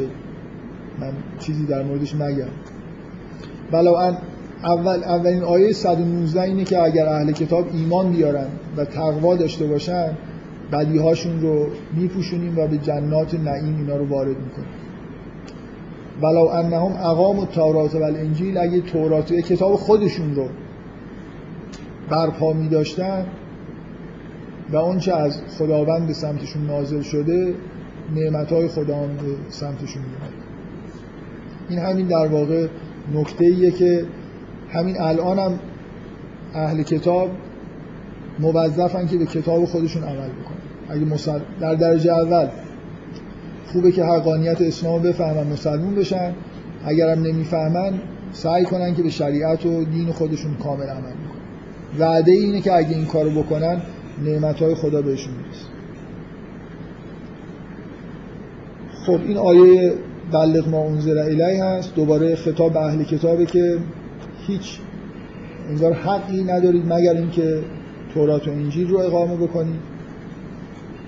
آیه‌ای که تو سوره بقره یه بار به شکل تقریبا به همین شکل اومده کسانی که من نمی‌دونم چجوری با سراحت بیشتری میشه این حرف زد که پیروان ادیان مختلف اگه مؤمن باشن و کار خوب بکنن بهش میرن. چون بعضیا هنوزم فکر می‌کنن که کلا فقط مسلمان ها اونم مال فرقه خاص به بهشت میرن این آیه دیگه من نمی‌دونم صریح تر از این شما یه جمله بگید که این حرف رو بزنید ان الذين آمنوا والذین هادوا و صائبون و نصارا من آمن بالله و الیوم الاخر و عمل صالحا فلا خوف علیهم ولا هم یحزنون.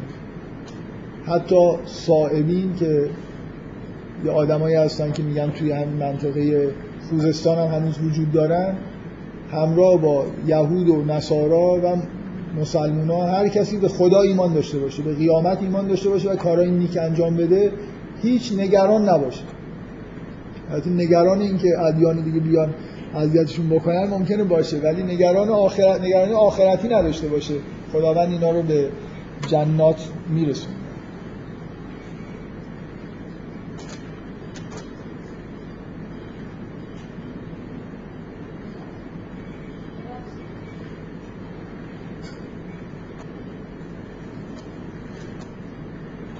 ببینید من برای اینکه یه خود سریعتر اینا رو این بحث اولیه رو تموم بکنم یه خود بیشتر از یه ذره وقت کم آوردم من فکر کنم نیم ساعت بیشتر وقت ندارم. این مثلا ادامه صفحه 119 صفحه 120 در واقع باز بحث در مورد اعتقادات. ببین یه مجموعه شما من برای اون منطق بحث رو نگاه کنید بعد از اینکه تثبیت شد که قرار این سه دین با هم دیگه باشن مؤمنین یه پرهیزهایی داده شدن که نسبت به اونا مثلا رابطه ولایت برقرار نکنن و الی آخر یه مجموعه سخنها هم با اهل کتاب داره گفته میشه. مثلا در واقع توصیه های خداوند از طریق مسلمان ها در واقع از طریق پیغمبر و بعد از پیغمبر ما به نیابت پیغمبر. ما حرف, حرف خدا با اهل کتاب چیه؟ به انجیل عمل کنید به دین خودتون به تورات عمل کنید کارهای صالح انجام بدید. و الی آخر غلو نکنید تو دین خودتون. اینا چیزهایی که داره گفته میشه. مسیحی که نمیاد کتاب قرآن رو بخونه. اینا انگار حرفاییه. مسلمان ها نباید اونا رو ولایت اونا رو بپذیرن. نباید این کار رو بکنن. در این حال این حرفا رو هم باید به اهل کتاب بزنن. ما باید کاری بکنیم که اهل کتاب غلو نکنه سعی کنیم که ببریمشون به این سمت که به دین خودشون عمل بکنن. نمی‌دونم منظور منو می‌فهمید ببین در درجه اول مسلمان ها باید تبلیغ کنن دین خودشون رو. اگر اونا ایمان نمیارن موضع ما اینه که لاقل غلو نکنید تو دین خودی نزدیکی به شرک نشید. اینجور بحثا من ندیدم بین مسلمان ها و مسیحی ها و یهودی ها انجام بشه. من یه سوال خیلی بد بپرسم. به نظر شما مثلا وقتی که یهودی ها رو اسیر کردن بردن بابل ما یه پادشاهی داشتیم به اسم کوروش که اینا رو بابلی ها رو شکست داد یهودی ها رو برگردون توی جای خودشون تو عرض مقدسشون معبد و بازسازی کرد که اینا فرایز دینی خودشون رو انجام بدن. به نظر شما دفعه بعد که رومیا معبد رو خراب کردن و مسلمان ها رفتن اونجا رو فتح کردن چیکار باید می‌کردن؟ گزینه یک. یهودی ها رو جمع می‌کردن معبد رو براشون بازسازی می‌کردن می‌گفتن که به احکام خودتون عمل کنید گزینه دو معبد رو کاملا دیگه صاف می‌کردن و جاش مسجد میساختن که دیگه هیچ وقت خیال این که بیان اینجا عبادت بکنن به مخیله اونا خطور نکن. من نمی‌دونم ولی دو تا گزینه بیشتر. گزینه سه هیچ کدام. گزینه چهار هر دو. چون چهار تا گزینه باید بگن در حال میشه اینجوری درست کرد. من نمی‌دونم واقعا مسلمونا چیکار باید می‌کردن در قبال یهودیا قرآن داره به پیغمبر میگه که به اینا بگو که به تورات عمل کنن. چجوری عمل کنن یهودی ها به تورات؟ وقتی اون معبدی که همه عبادت هاشون باید توش انجام بشه رو ندارن. من خورده تردید دارم دیگه که این از اولین رفتارهایی که در زمان خلیفه دوم که ما چندان به نظر می‌رسه تمایل خاصی هم بهش نداریم انجام شد. اینا اسلامی بوده واقعا. ساخت صاف کردن اونجا و ساختن مسجد و این حرفا برمیگرده ظاهرا به فتوحات زمان خلیفه دوم. حالا اگر نه خود مسجد فکر کنم زمان بنی امیه ساختن. ربطی به امام شیعه که نداشته. ما مبرایی یعنی من به راحتی می‌تونم بگم این کار غلط بوده. ولی بقیه برادرای اهل سنت به این راحتی نمی‌تونن بگن غلط بود. حالا ما نمی‌دونم ما انگار اصلا بیشتر موافقه اینجور کار هستیم. بگذاریم. به هر حال موضع مسلمان چیه؟ تشویق کنیم یهودی ها رو که یهودی های خوبی با... مسلمون بشید اگر نه یهودی های خوبی باشید سوره مایده اینو داره میگه. به پیغمبر و به تبعش به مؤمنین داره میگه که موضعتون با اهل کتاب اینجوری باشه. اونجایی که قلوب می‌کنن مسیح رو میگن خدا جلوشون وایسید. باشه مسیحی باشن. ولی نگن مسیح خداست. اینجور بحثا زیاد نشده. حالا من به نظرم سوره مائده به وضوح یه همچین موضعی رو داره به مسلمان ها القا می‌کنه که اینجوری رفتار می‌کنه. من خیلی وقت کردم بگید ولی خیلی خلاصه من این جلسات این جلسات اصولا قرار بوده که سوال نکنه.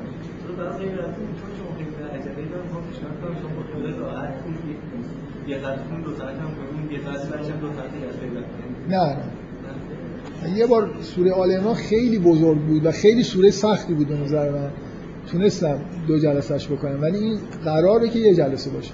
سوره مائده هم سوره ساده ای به معنی واقعی کلمه یعنی دیگه از این خطی من باورم میشه که این یه بار نازل شده. از بس که همین حالت چیزو داره. یعنی یه یه بحثی از اول انگار شروع میشه. همینجور پیش میره. فقط یه دو سه داستان اون وسط باید خود زحمت بکشید که اینا اون وسط چی کار دارن می‌کنن. بقیه‌اش همینطور مثل حرف زدن عادی خودمون اینو اگه من دو جلسه بکنم دیگه همه سوره میشه دو جلسه.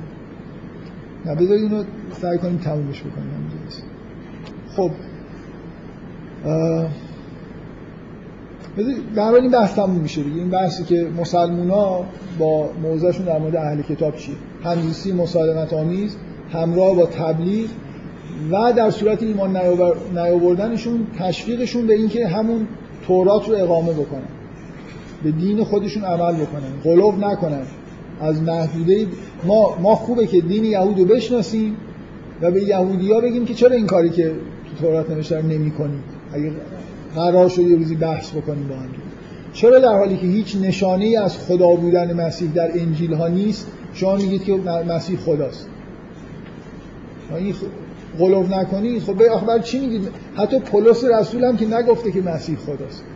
شما تسلیسی وجود نداره در کتاب مقدس مسیحی خب باشون اینجوری استدلال بکنید مانع غلوفشون بشید بذارید که به راه راست در حد خودشون حداقل هدایت بشید خب من خیلی سریع فقط بگم. از اینجا بعد از اینکه این بحثا تموم میشه دیگه بحث تموم شده دیگه. دوباره برمیگردیم.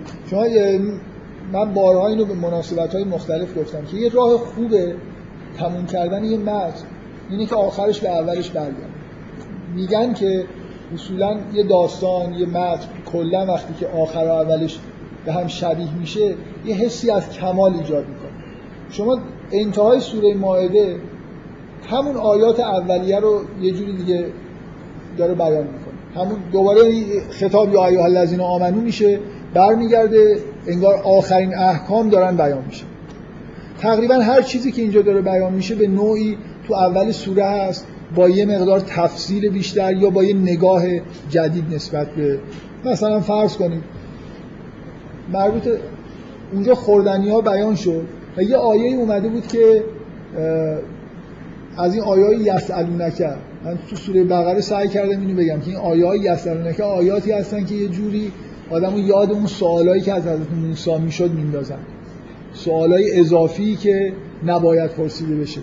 توی سوره اول سوره مائده یه بار دیگه اگه یادتون باشه یه بار تو سوره بقره من سر این آیه بحث کردم که میگه یسئلونک که ماذا ینفقون؟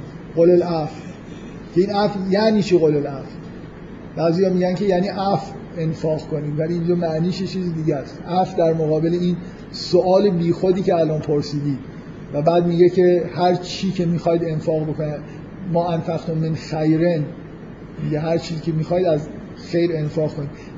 قرآن بارها تو سوره بقره و تو سوره مائده نه می‌کنه از سوالای اضافه پرسیدن. مثل اون سوالایی که در مورد بقره یهودی ها میپرسیدن. هی چه شکلیه؟ چه باید این کارو بکنید اول سوره مائده بعد از اینکه آیات احکام مثلا خوراکی ها و حرام ها میاد یه سوال وحشتناک وجود داره. بعد از اینکه اینا گفته میشه میگه یسالونه که مازا اوهل لهم. میگه چی برای ما چی حلاله؟ این از اون جاهاییه که اگر این پیروان موسی بودن گفته می‌شد که فقط مثلا مرغ چاق. چه سوالی بعد از این گفته شده که یه چند تا چیز حرام شده؟ دارن سوال می‌کنن که چی برای ما حلاله. خب اون چیزایی که حرام نیست حلاله دیگه. و جوابا در قرآن چون این که میگم پیغمبر ما پیغمبر رحمته اینی که توی اینجور موارد اون سختگیری های شبیه بنی اسرائیل برای مسلمان ها اعمال نشده. یه جوابی که داده میشه در مقابل همچین سوال وحشتناکی اینه که قول اوهل لکم طیبات پاکیزه ها براتون حلال. و ما علمتون من الجوار مکلمین به نظر نمیاد چیزی سختگیری شده باشه توی در اثر این سوال.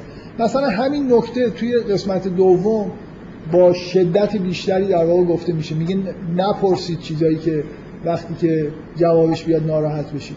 و باز دوباره طبق معمول میگه یا ایها الذین لا تسالوا عن اشیاء ان تبد لکم تسؤکم بعد میگه که ما جعل الله من بهیرت ولا صائبت ولا وسیلت ولا حام ولکن الذین میگه که خدا مثلا بهیره و معلومه که پرسیدن دیگه بهیره حلاله یا حرام؟ صائبه هام اینا سوالای چندیه که پرسیده شده و خداوند داره میگه اینا مثل اینکه میگه این سوالای اضافه رو نپرس. همین الان هم یه عده بحث می‌کنن اینا چی بودن؟ چه فرقی می‌کنه اینا چی بودن؟ چه اهمیتی داره؟ این یه چیزای خیلی ساده حلال و حرام شده تموم شد. بحثی نداریم. اینا اینا همون چیزایی که نباید پرسیده می‌شدن. در مورد هام صاحبه وسیله بهیره که اینا مثلا حلال و حرامش چجوریه وضعش هیچی. اصلا به نظرم لازم نیست اینا رو ترجمه بکنن حتی توی ترجمه. همینجور بنویسن. یه چیزایی بوده سوالای بیخودی بوده پرسیدن. در این آیات بخش انتهای سوره به نوعی دوباره برگشت سوره به همون احکام اولیه است که در ابتدای سوره بیان شد.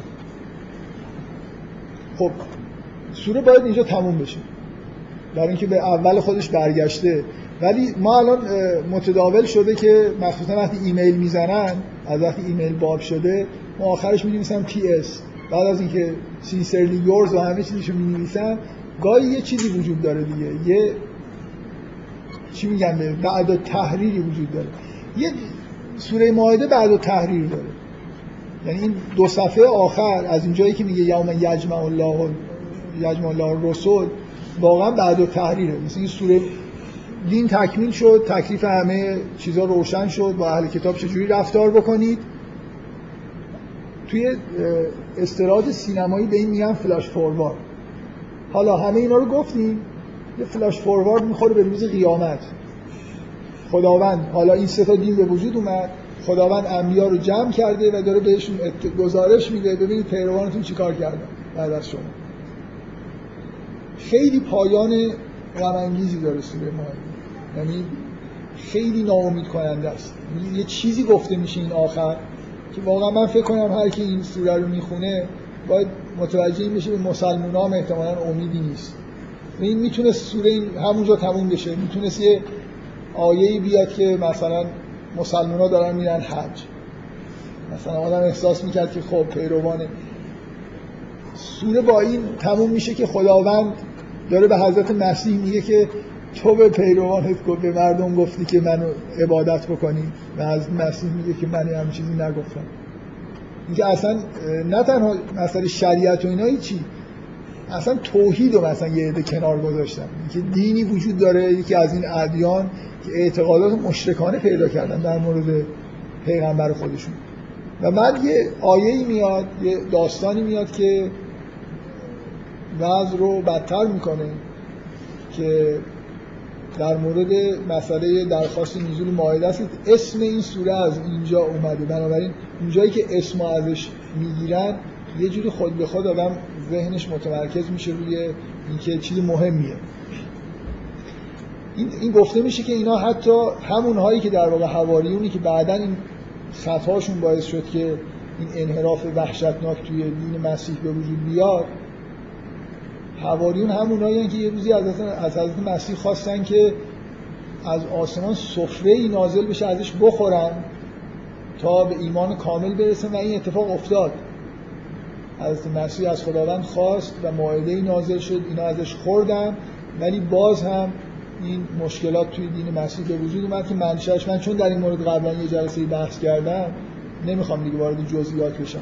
اینجا مسئولیت انحراف شرک آمیز مسیحی ها به عهده حواریون گذاشته میشه. نه به عهده پولس رسول که همه اونو متهم می‌کنن به اینکه شرک رو مثلا وارد دین مسیح کرد. یه نکته ای وجود داره. بذارید اینکه به وضوع این حالت بعد تحریر داره یعنی فقط مثل یه نمایش یه چیزیه که حالا همه این ادیان که ایجاد شدن ولی باز ببینید که مثلا یعنی اون روز آخرت وقتی خداوند این رسول رو بیاره با همشون با همچین وضعیتی مواجه خواهند شد. پیغمبر ما هم متاسفانه یه همچین خطابایی رو احتمالا احتمالا به حضرت علی خواهند گفت که آیا تو به کسی گفتی که تو رو بپرستن؟ تو خدا هستی؟ حضرت علی باید بگه نه من نگفتم. بعد به امامای دیگه ما بگن خب تو گفتی که مثلا اینجوری شرک آمیز مثلا از تو چیزی بخوان باید بگه من نگفتم. به پیغمبر باید در مورد بعضی از این احکام عجیب و غریبی که مسلمونا اجرا کردن در طول تاریخ بگن که تو این احکامو گفتی باید بگه من نگفتم. فکر می‌کنم کلا این سرنوشت همه انبیاء الهی هست که مورد سوال قرار بگیرن بهشون نمایش داده بشه که پیروانشون چه کردن. یا اگه بخوام بهتر بگم چه ها کردن و چه ها کردن بار منفی بیشتری داره و اینکه مورد سوال قرار بگیرن که البته من تو اون جلسه توضیح دادم که این سوال سوال توبیخی نیست سوالیه که در واقع اون جواب رو میطلبه جوابی که از مسیح به این سوال میده. در واقع یه جوری مقدمه بخشش پیروان انبیا داره فراهم میشه. من یه خورده تعجب می‌کنم که این آیات توی قرآن هست و بازم مفهوم شفاعت نظر یه عده کاملا حالت چیز داره حالت شرکامیز داره. عملا چیزی که شما می‌بینید اینه که نزد مسیح یه زبانی داره برای قوم خودش شفاعت می‌کنه. یعنی بهش گزارش داده میشه که اینا حتی به شرک رسیدن ولی حضرت مسیح اینه که به خداوند میگه که میگه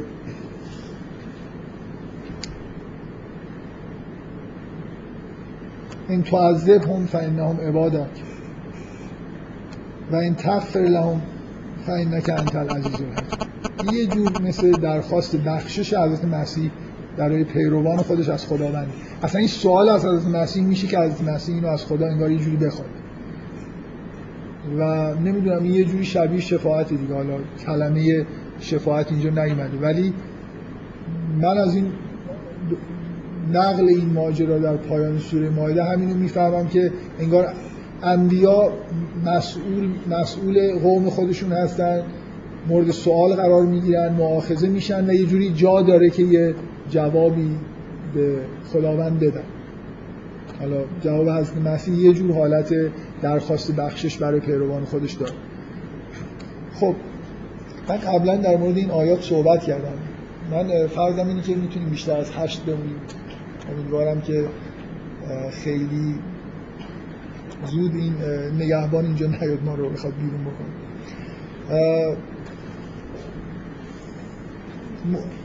اشکال چیزی که حواریون از مسیح خواستن که به وضوح نشون میده که از نظر سطح ادراک و معرفت به جای خوبی نرسیدن بنابراین ذهن آدم آماده میشه که این آدم بعد از مسیح گمراه شده باشن.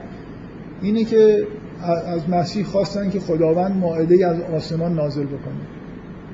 در حالی که ما اگه یه ذره بصیرت داشته باشیم خب همین الان هم سر سفره خداوند نشستیم دیگه. این ماعده ای که ما داریم ازش می‌خوریم ماعده های زمینی این از, این از کجا اومده؟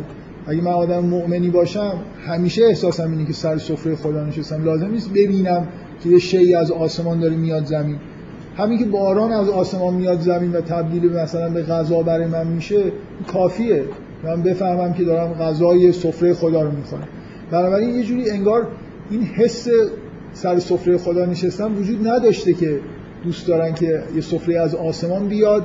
انگار برای اولین بار دارن سر سفره خدا میشینن و مطمئن میشن. این کل این درخواست درخواست جالبی نبود.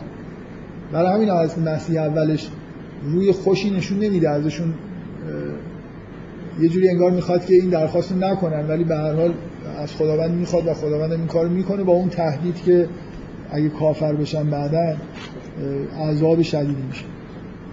من می‌خوام از این آخر خلاصه پایان سوره با خوردن تموم شد.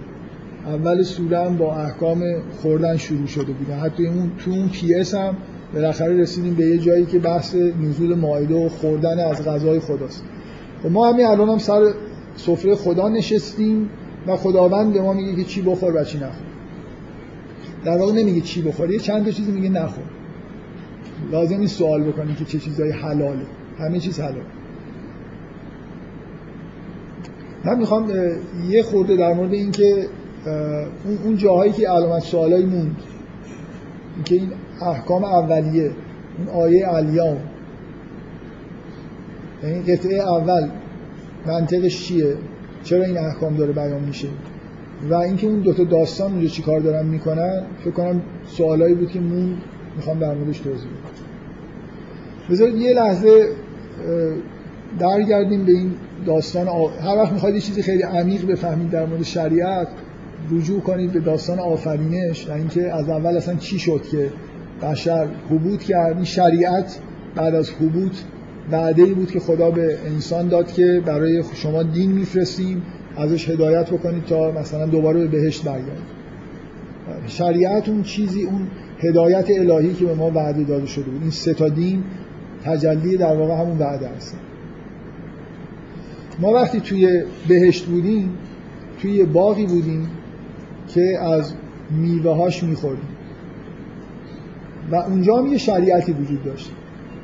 یه درخت وجود داشت که قرار بود ازش نخورد.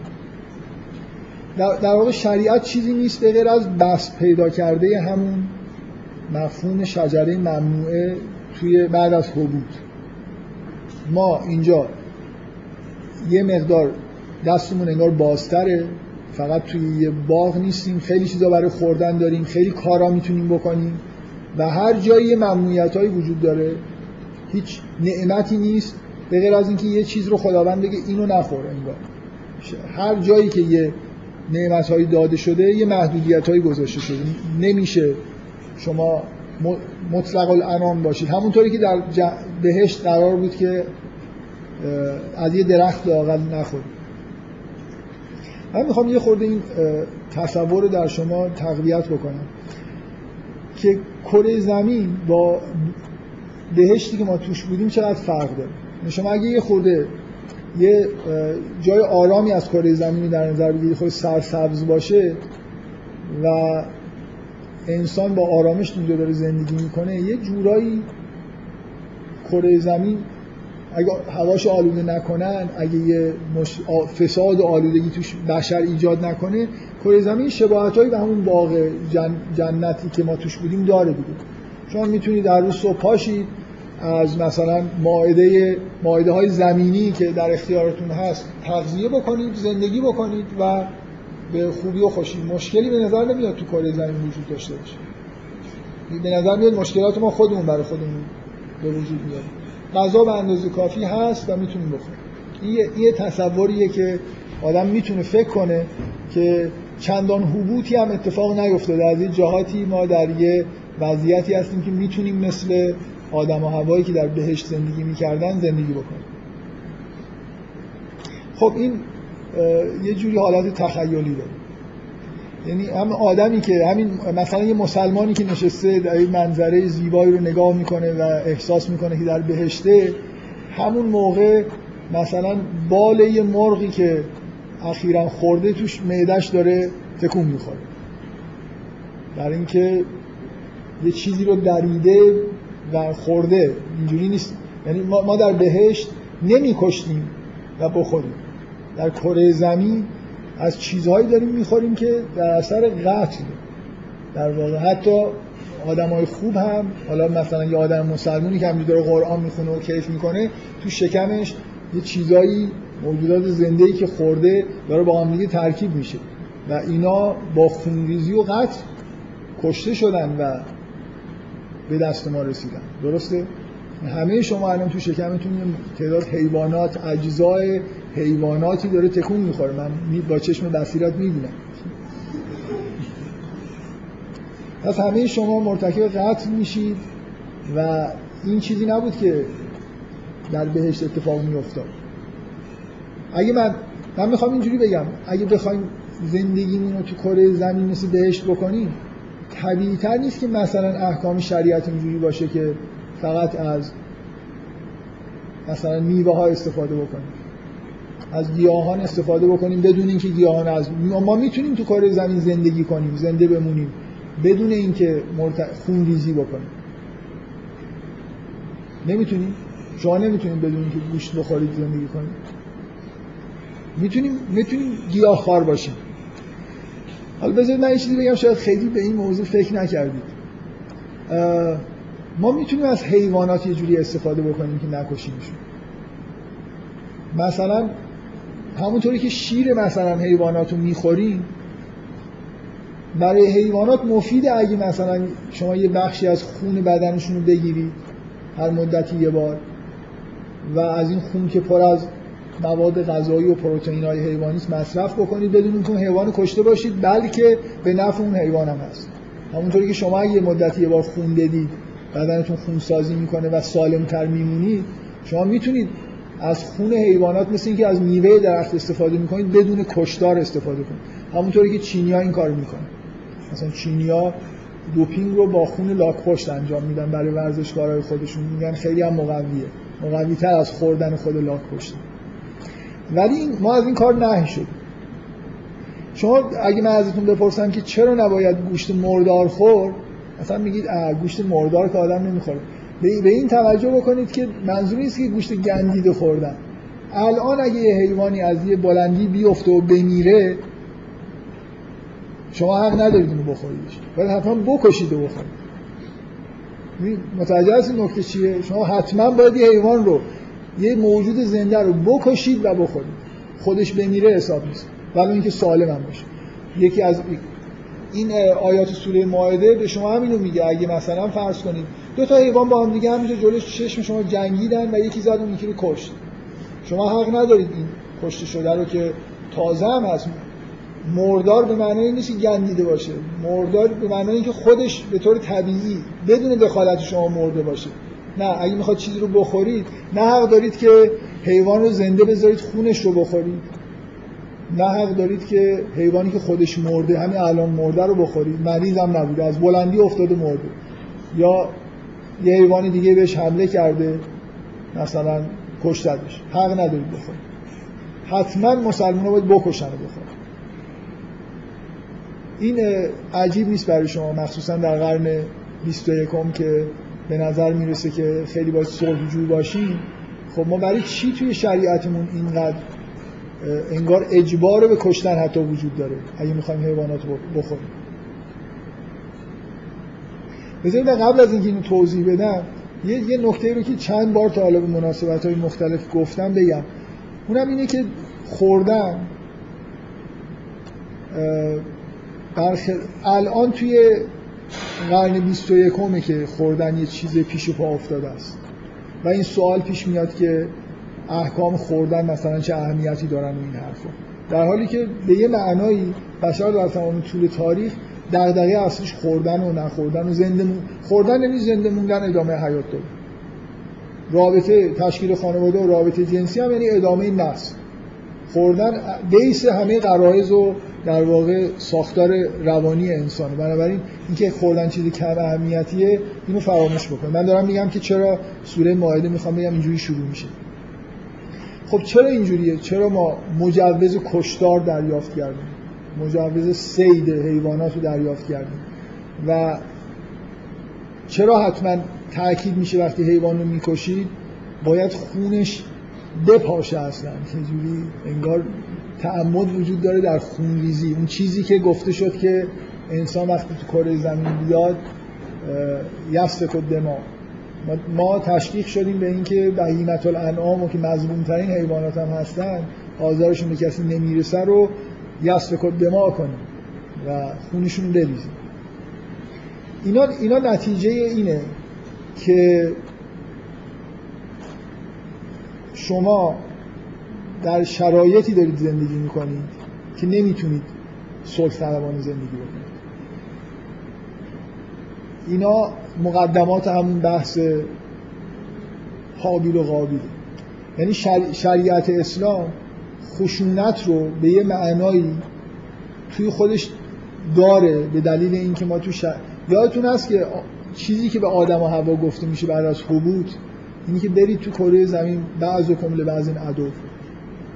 ما ما کره زمین شبیه بهش تو توی هم چیز زندگی نمی کنیم.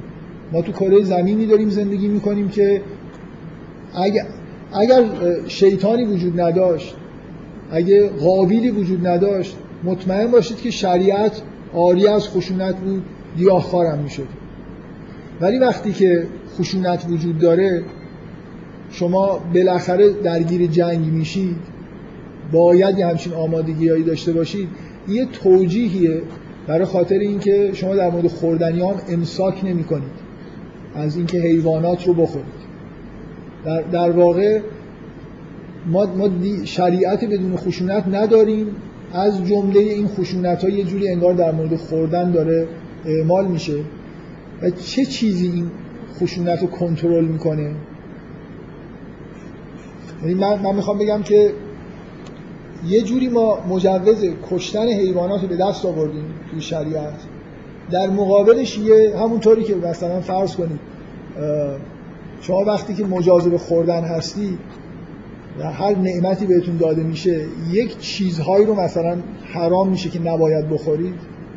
یا مثلا اگه به طور کلی مجاز به خوردن هستی یه ماهی وجود داره که در یه محدوده زمانی مجاز نیستید بخورید. اینا همه مثل همون شجره ممنوع ساختنه. شما مجازید که از حیواناتی که خلق شدن و قابل در واقع خوردن هستن تغذیه بکنید. اون چیزی که در مقابل این قرار داره اون ممنوعیتی که قرار داره در واقع در عوض این نعمتی که بهتون داده شده حکمی که براتون قرار داده شده مناسک حج. چیزی که من می‌خوام روش تاکید بکنم اینی که مسجد الحرام و مناسک حج اون عملیه که مسلمان ها انجام میدن. در مقابل این در واقع جواز خشونتی که به نوعی در به دلیل وضعیت خاص انسان توی کره زمین بهشون داده شده. شما به احکام حج که نگاه می‌کنید اولا احکام حج نکته اساسیش اینه که شما وقتی در حالت احرام هستی مخصوصا توی محدوده مسجد حرام عین مثلا فرض کنید دین شرقی مثل هندوها حتی حق ندارید که یه گیاه رو از زمین بکنید. یعنی اون دوره عدم خ... تمرین عدم خشونت مسلمونا توی حج انجام میشه. ما نمی‌تونیم در سراسر زندگی از سیاست عدم خشونت پیروی بکنیم همونطوری که قابل نتونست. ولی اصل دین اگر دشمنانی وجود نداشتن اگه خونریزی تو کره زمین اگه عدو نبودن مردم با هم دیگه اصل دین علم خشونته. این اون چیزیه که مسلمان تو حج واجبه که این کار رو انجام بدن یعنی شما باید شما یه محدوده جغرافیایی قرار داره که در هر وقت واردش بشی حق سید ندارید اون سیدی که کلا مجازه ممنوعیت توی یه محدوده ای داره. و شما توی یه دوره از زندگیتون وقتی محرم هستید نه حق سید دارید. حالا چه تو مسجد حرام باشید چه نباشید در حالت احرام نه حق سید دارید نه حق هیچ جور خشونت و کشتن دارید. نمی‌تونید حتی حکم اینه که گیاه رو نمی‌تونید از زمین بکنید من این توضیحات رو دارم میدم برای خاطر اینکه مناسبت های شروع سوره رو درک بکنید. گفتم که خیلی تو این جلسه میل ندارم در مورد چراها بحث بکنم. می‌خوام توصیف بکنم که سوره ماعده چرا اینجوری شروع میشه.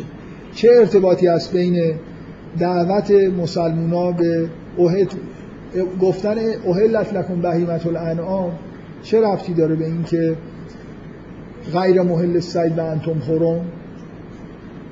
و به اینکه لا تهلو شعائر الله. ولا شهر الحرام ولا الح... یه لحظه های از زمان وجود داره شما حق ندارید. بجنگید مکانی وجود داره شما حق ندارید اونجا خون بریزید. یه مجوزی داده شده به شما که از بهیمت الانعام استفاده بکنید و یه مجموعه احکام هست که خشونت ترویج نشه. یعنی شما باید حالت سید نکردن داشته باشید. در یه مکانی در یه زمانی حالت عدم خشونت مطلق رو تجربه بکنید. شما به یهودی ها نگاه کنید. یهودی ها همین مناسک رو داشتن. بهیمت الانعام برای مسلمان حلال شده می‌تونن از چهارپایان بخورن. در مقابلش باید حج رو انجام بده وقتی حج نباشه انگار این احکام احکام کاملی نیستن. نمی‌دونم منظور منو می‌فهمید احکام مربوط به خوردن و نخوردن تکمیل میشن با حج رفتن و در پایان حج قربانی کردن این عین همون کاریه که یهودی ها می‌کردن.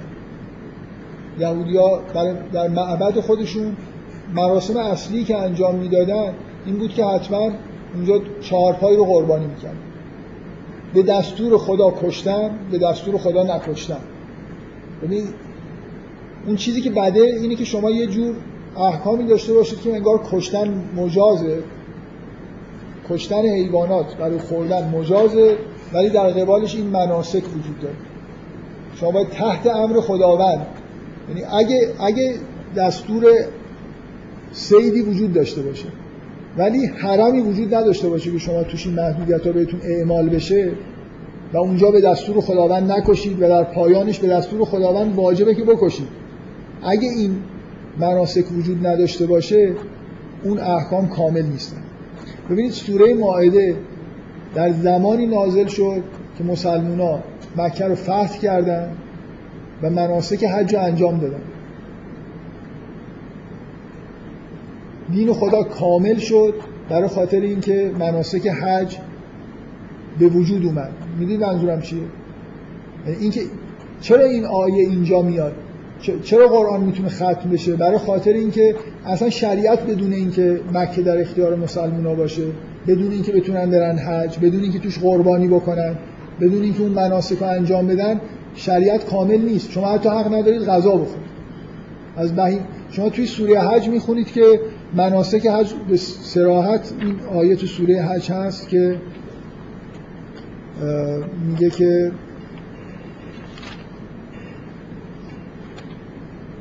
کسی آیهشو می‌دونید کجاست که میگه برای شکر گذاری در اینکه بهیمت الانعام می‌تونید مصرف بکنید.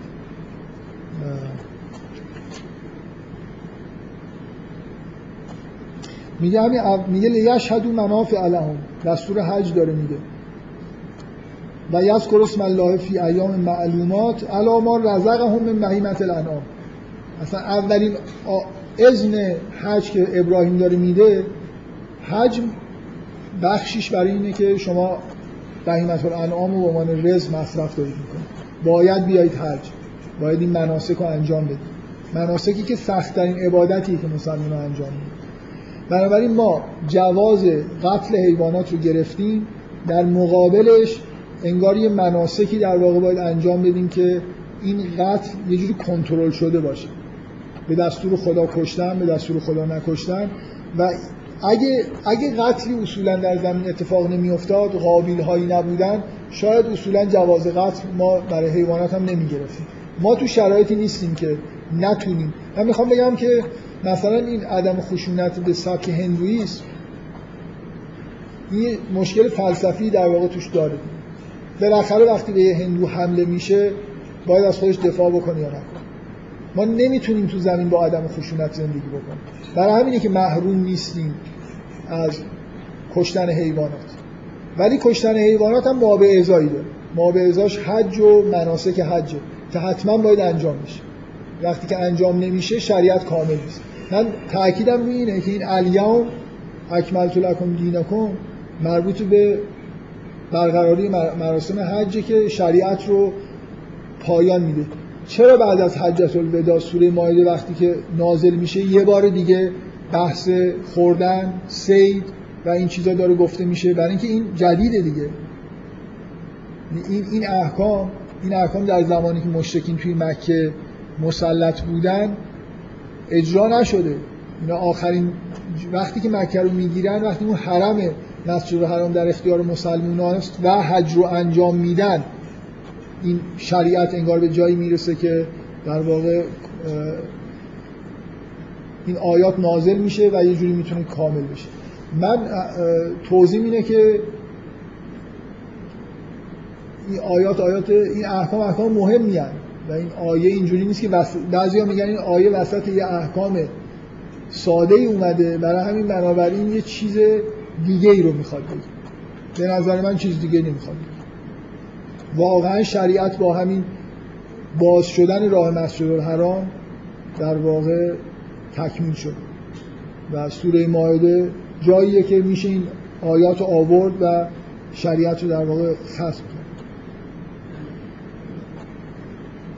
من در مخالفت با اینکه این الیوم اکملت لکم دینکم اشاره به واقعه قدیر داشته باشه شما یه خود بیاید پایین تر می‌بینید که میگه که الیام اوهل لکم لکم الطیبات و تعام الذین اوتوا الکتاب.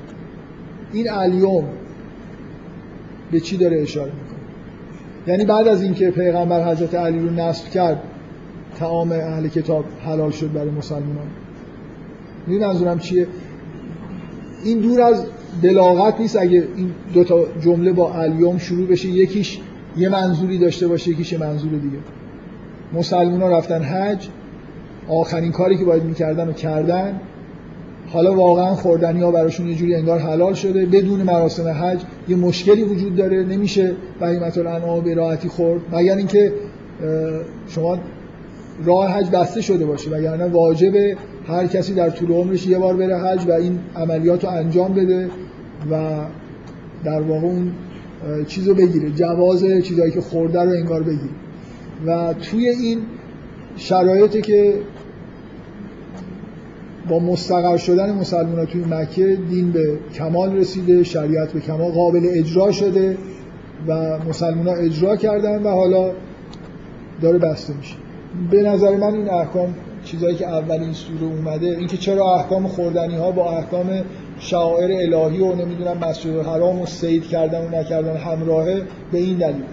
برای خاطر اینکه اونا در واقع باعث میشن که این مجوزا به وجود بیاد. اگه این مجوزا نباشه خوردن و نخوردن هم مشکل پیدا می‌کنه. شما باید اون حرم مثلا داشته باشید. در عنوان یه جایی که سید توش ممنوعه.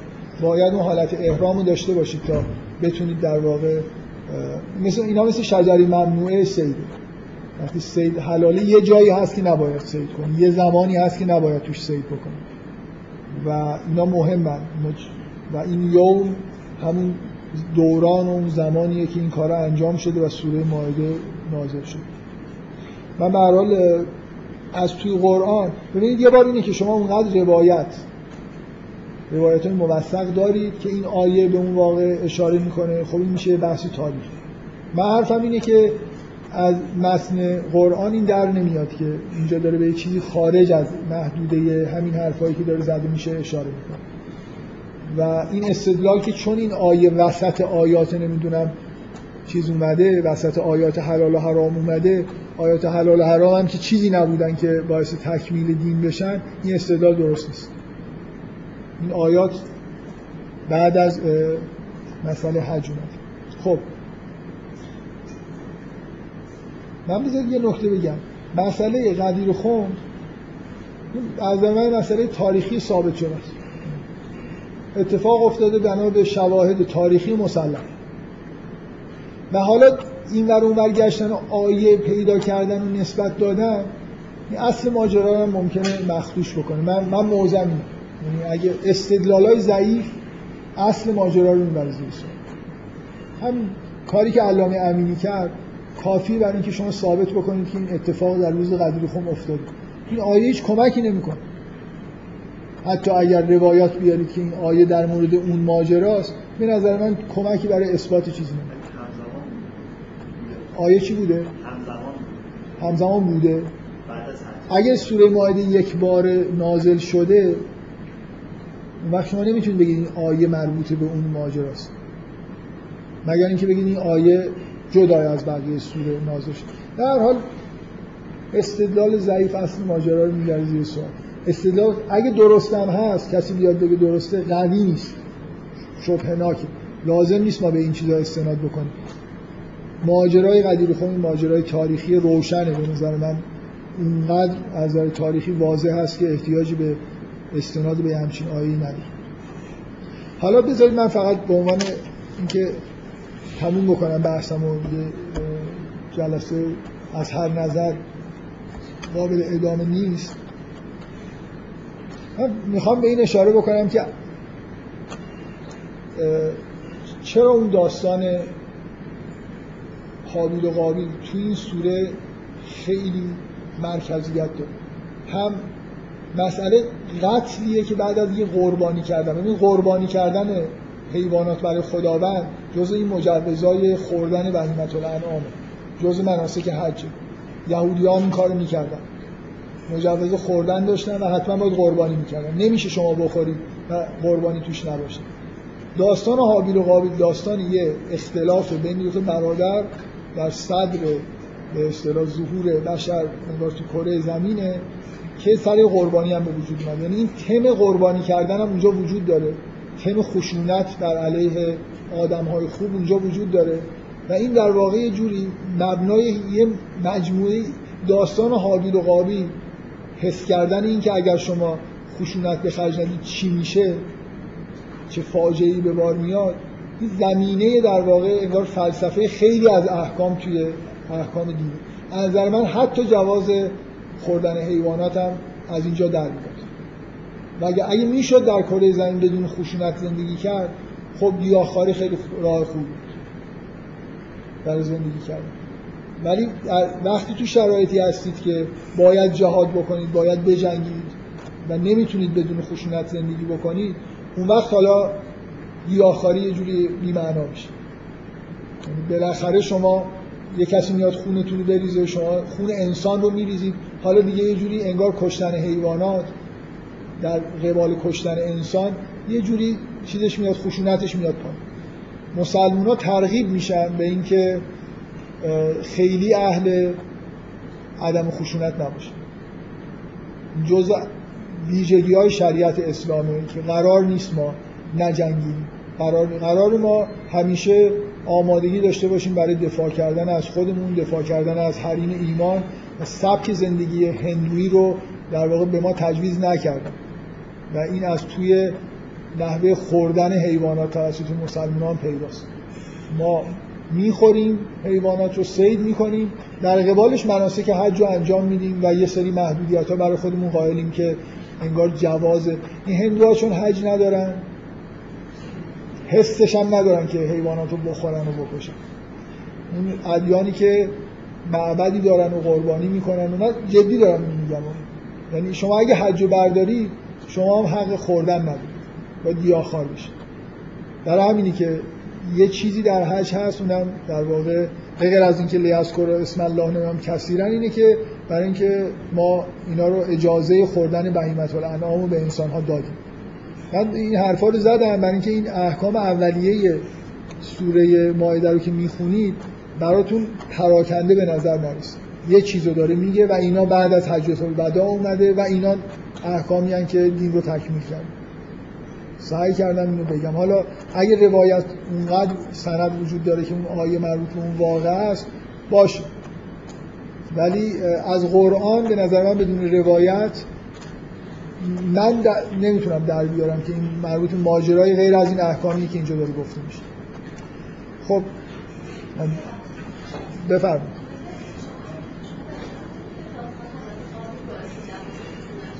نه نه اون داستان. اون صحنه ها به شما داره یه نشون میده که عدم خشونت نتیجهش چیه.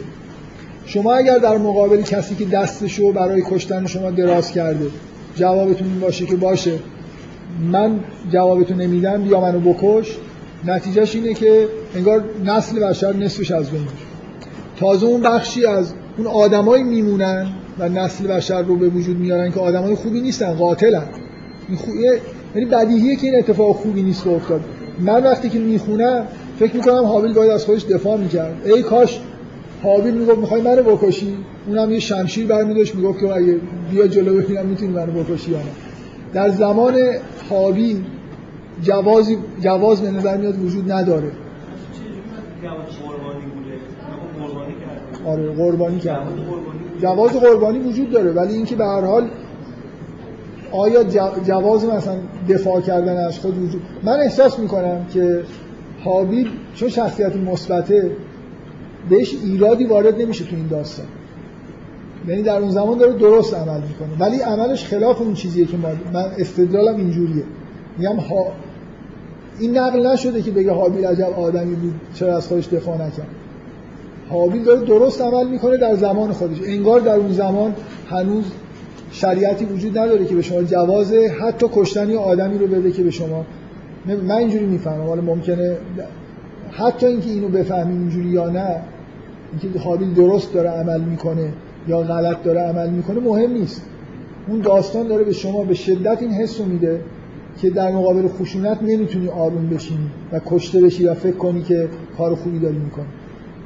یه سری احکام خشنی که بعدش میاد در واقع اینه که شما باید با اون داستان قانع شده باشید که قابیل ها هستن و اگر شما این کارا رو نکنید کره زمین رو می‌گیرن. و نسلتون رو اصلا از بین نسل مؤمنین رو از بین می‌برن و این خوب نیست. بنابراین ما مجازیم به اینکه توی شریعت احکام خشن داشته باشیم. مجازیم توی کره زمین خونریزی بکنیم در همچین موقعیتی که قرار گرفتیم. و مجازیم که حیوانات رو بکشیم بخوریم ولی بریم تو حج. چیزی قربانی رو انجام بدیم و اون مناسک عدم خشونت رو به جا بیاریم. که خیلی هم آدم های خشنی نشه اما قراره که بگم که سوره بعدی چیه؟ من به نظرم سوره هج رو بحث کنم. هیچ دلیل موجهی هم واقعا ندارم. الان هم داشتم می اومدم همینجوری در حال خیلی مهم نیست یه سوره رو فقط سوره هج خوبیش اینه که کوتاهه. من می‌خوام جلسه بعد تو ماه برگزار بشه. اینی که سوره, سوره هودم دوست داشتم یا سوره اونا به نظر می‌خواد طولانی تر آره سوره توبه مخصوصا به دلیل اینکه از این نوع احکام توش داره. از سوره توبه هم در موردش بحث می‌کنم. عجله نکنم. من تا وقتی ایشون نیاد ما رو بیرون نکنه فکر کنم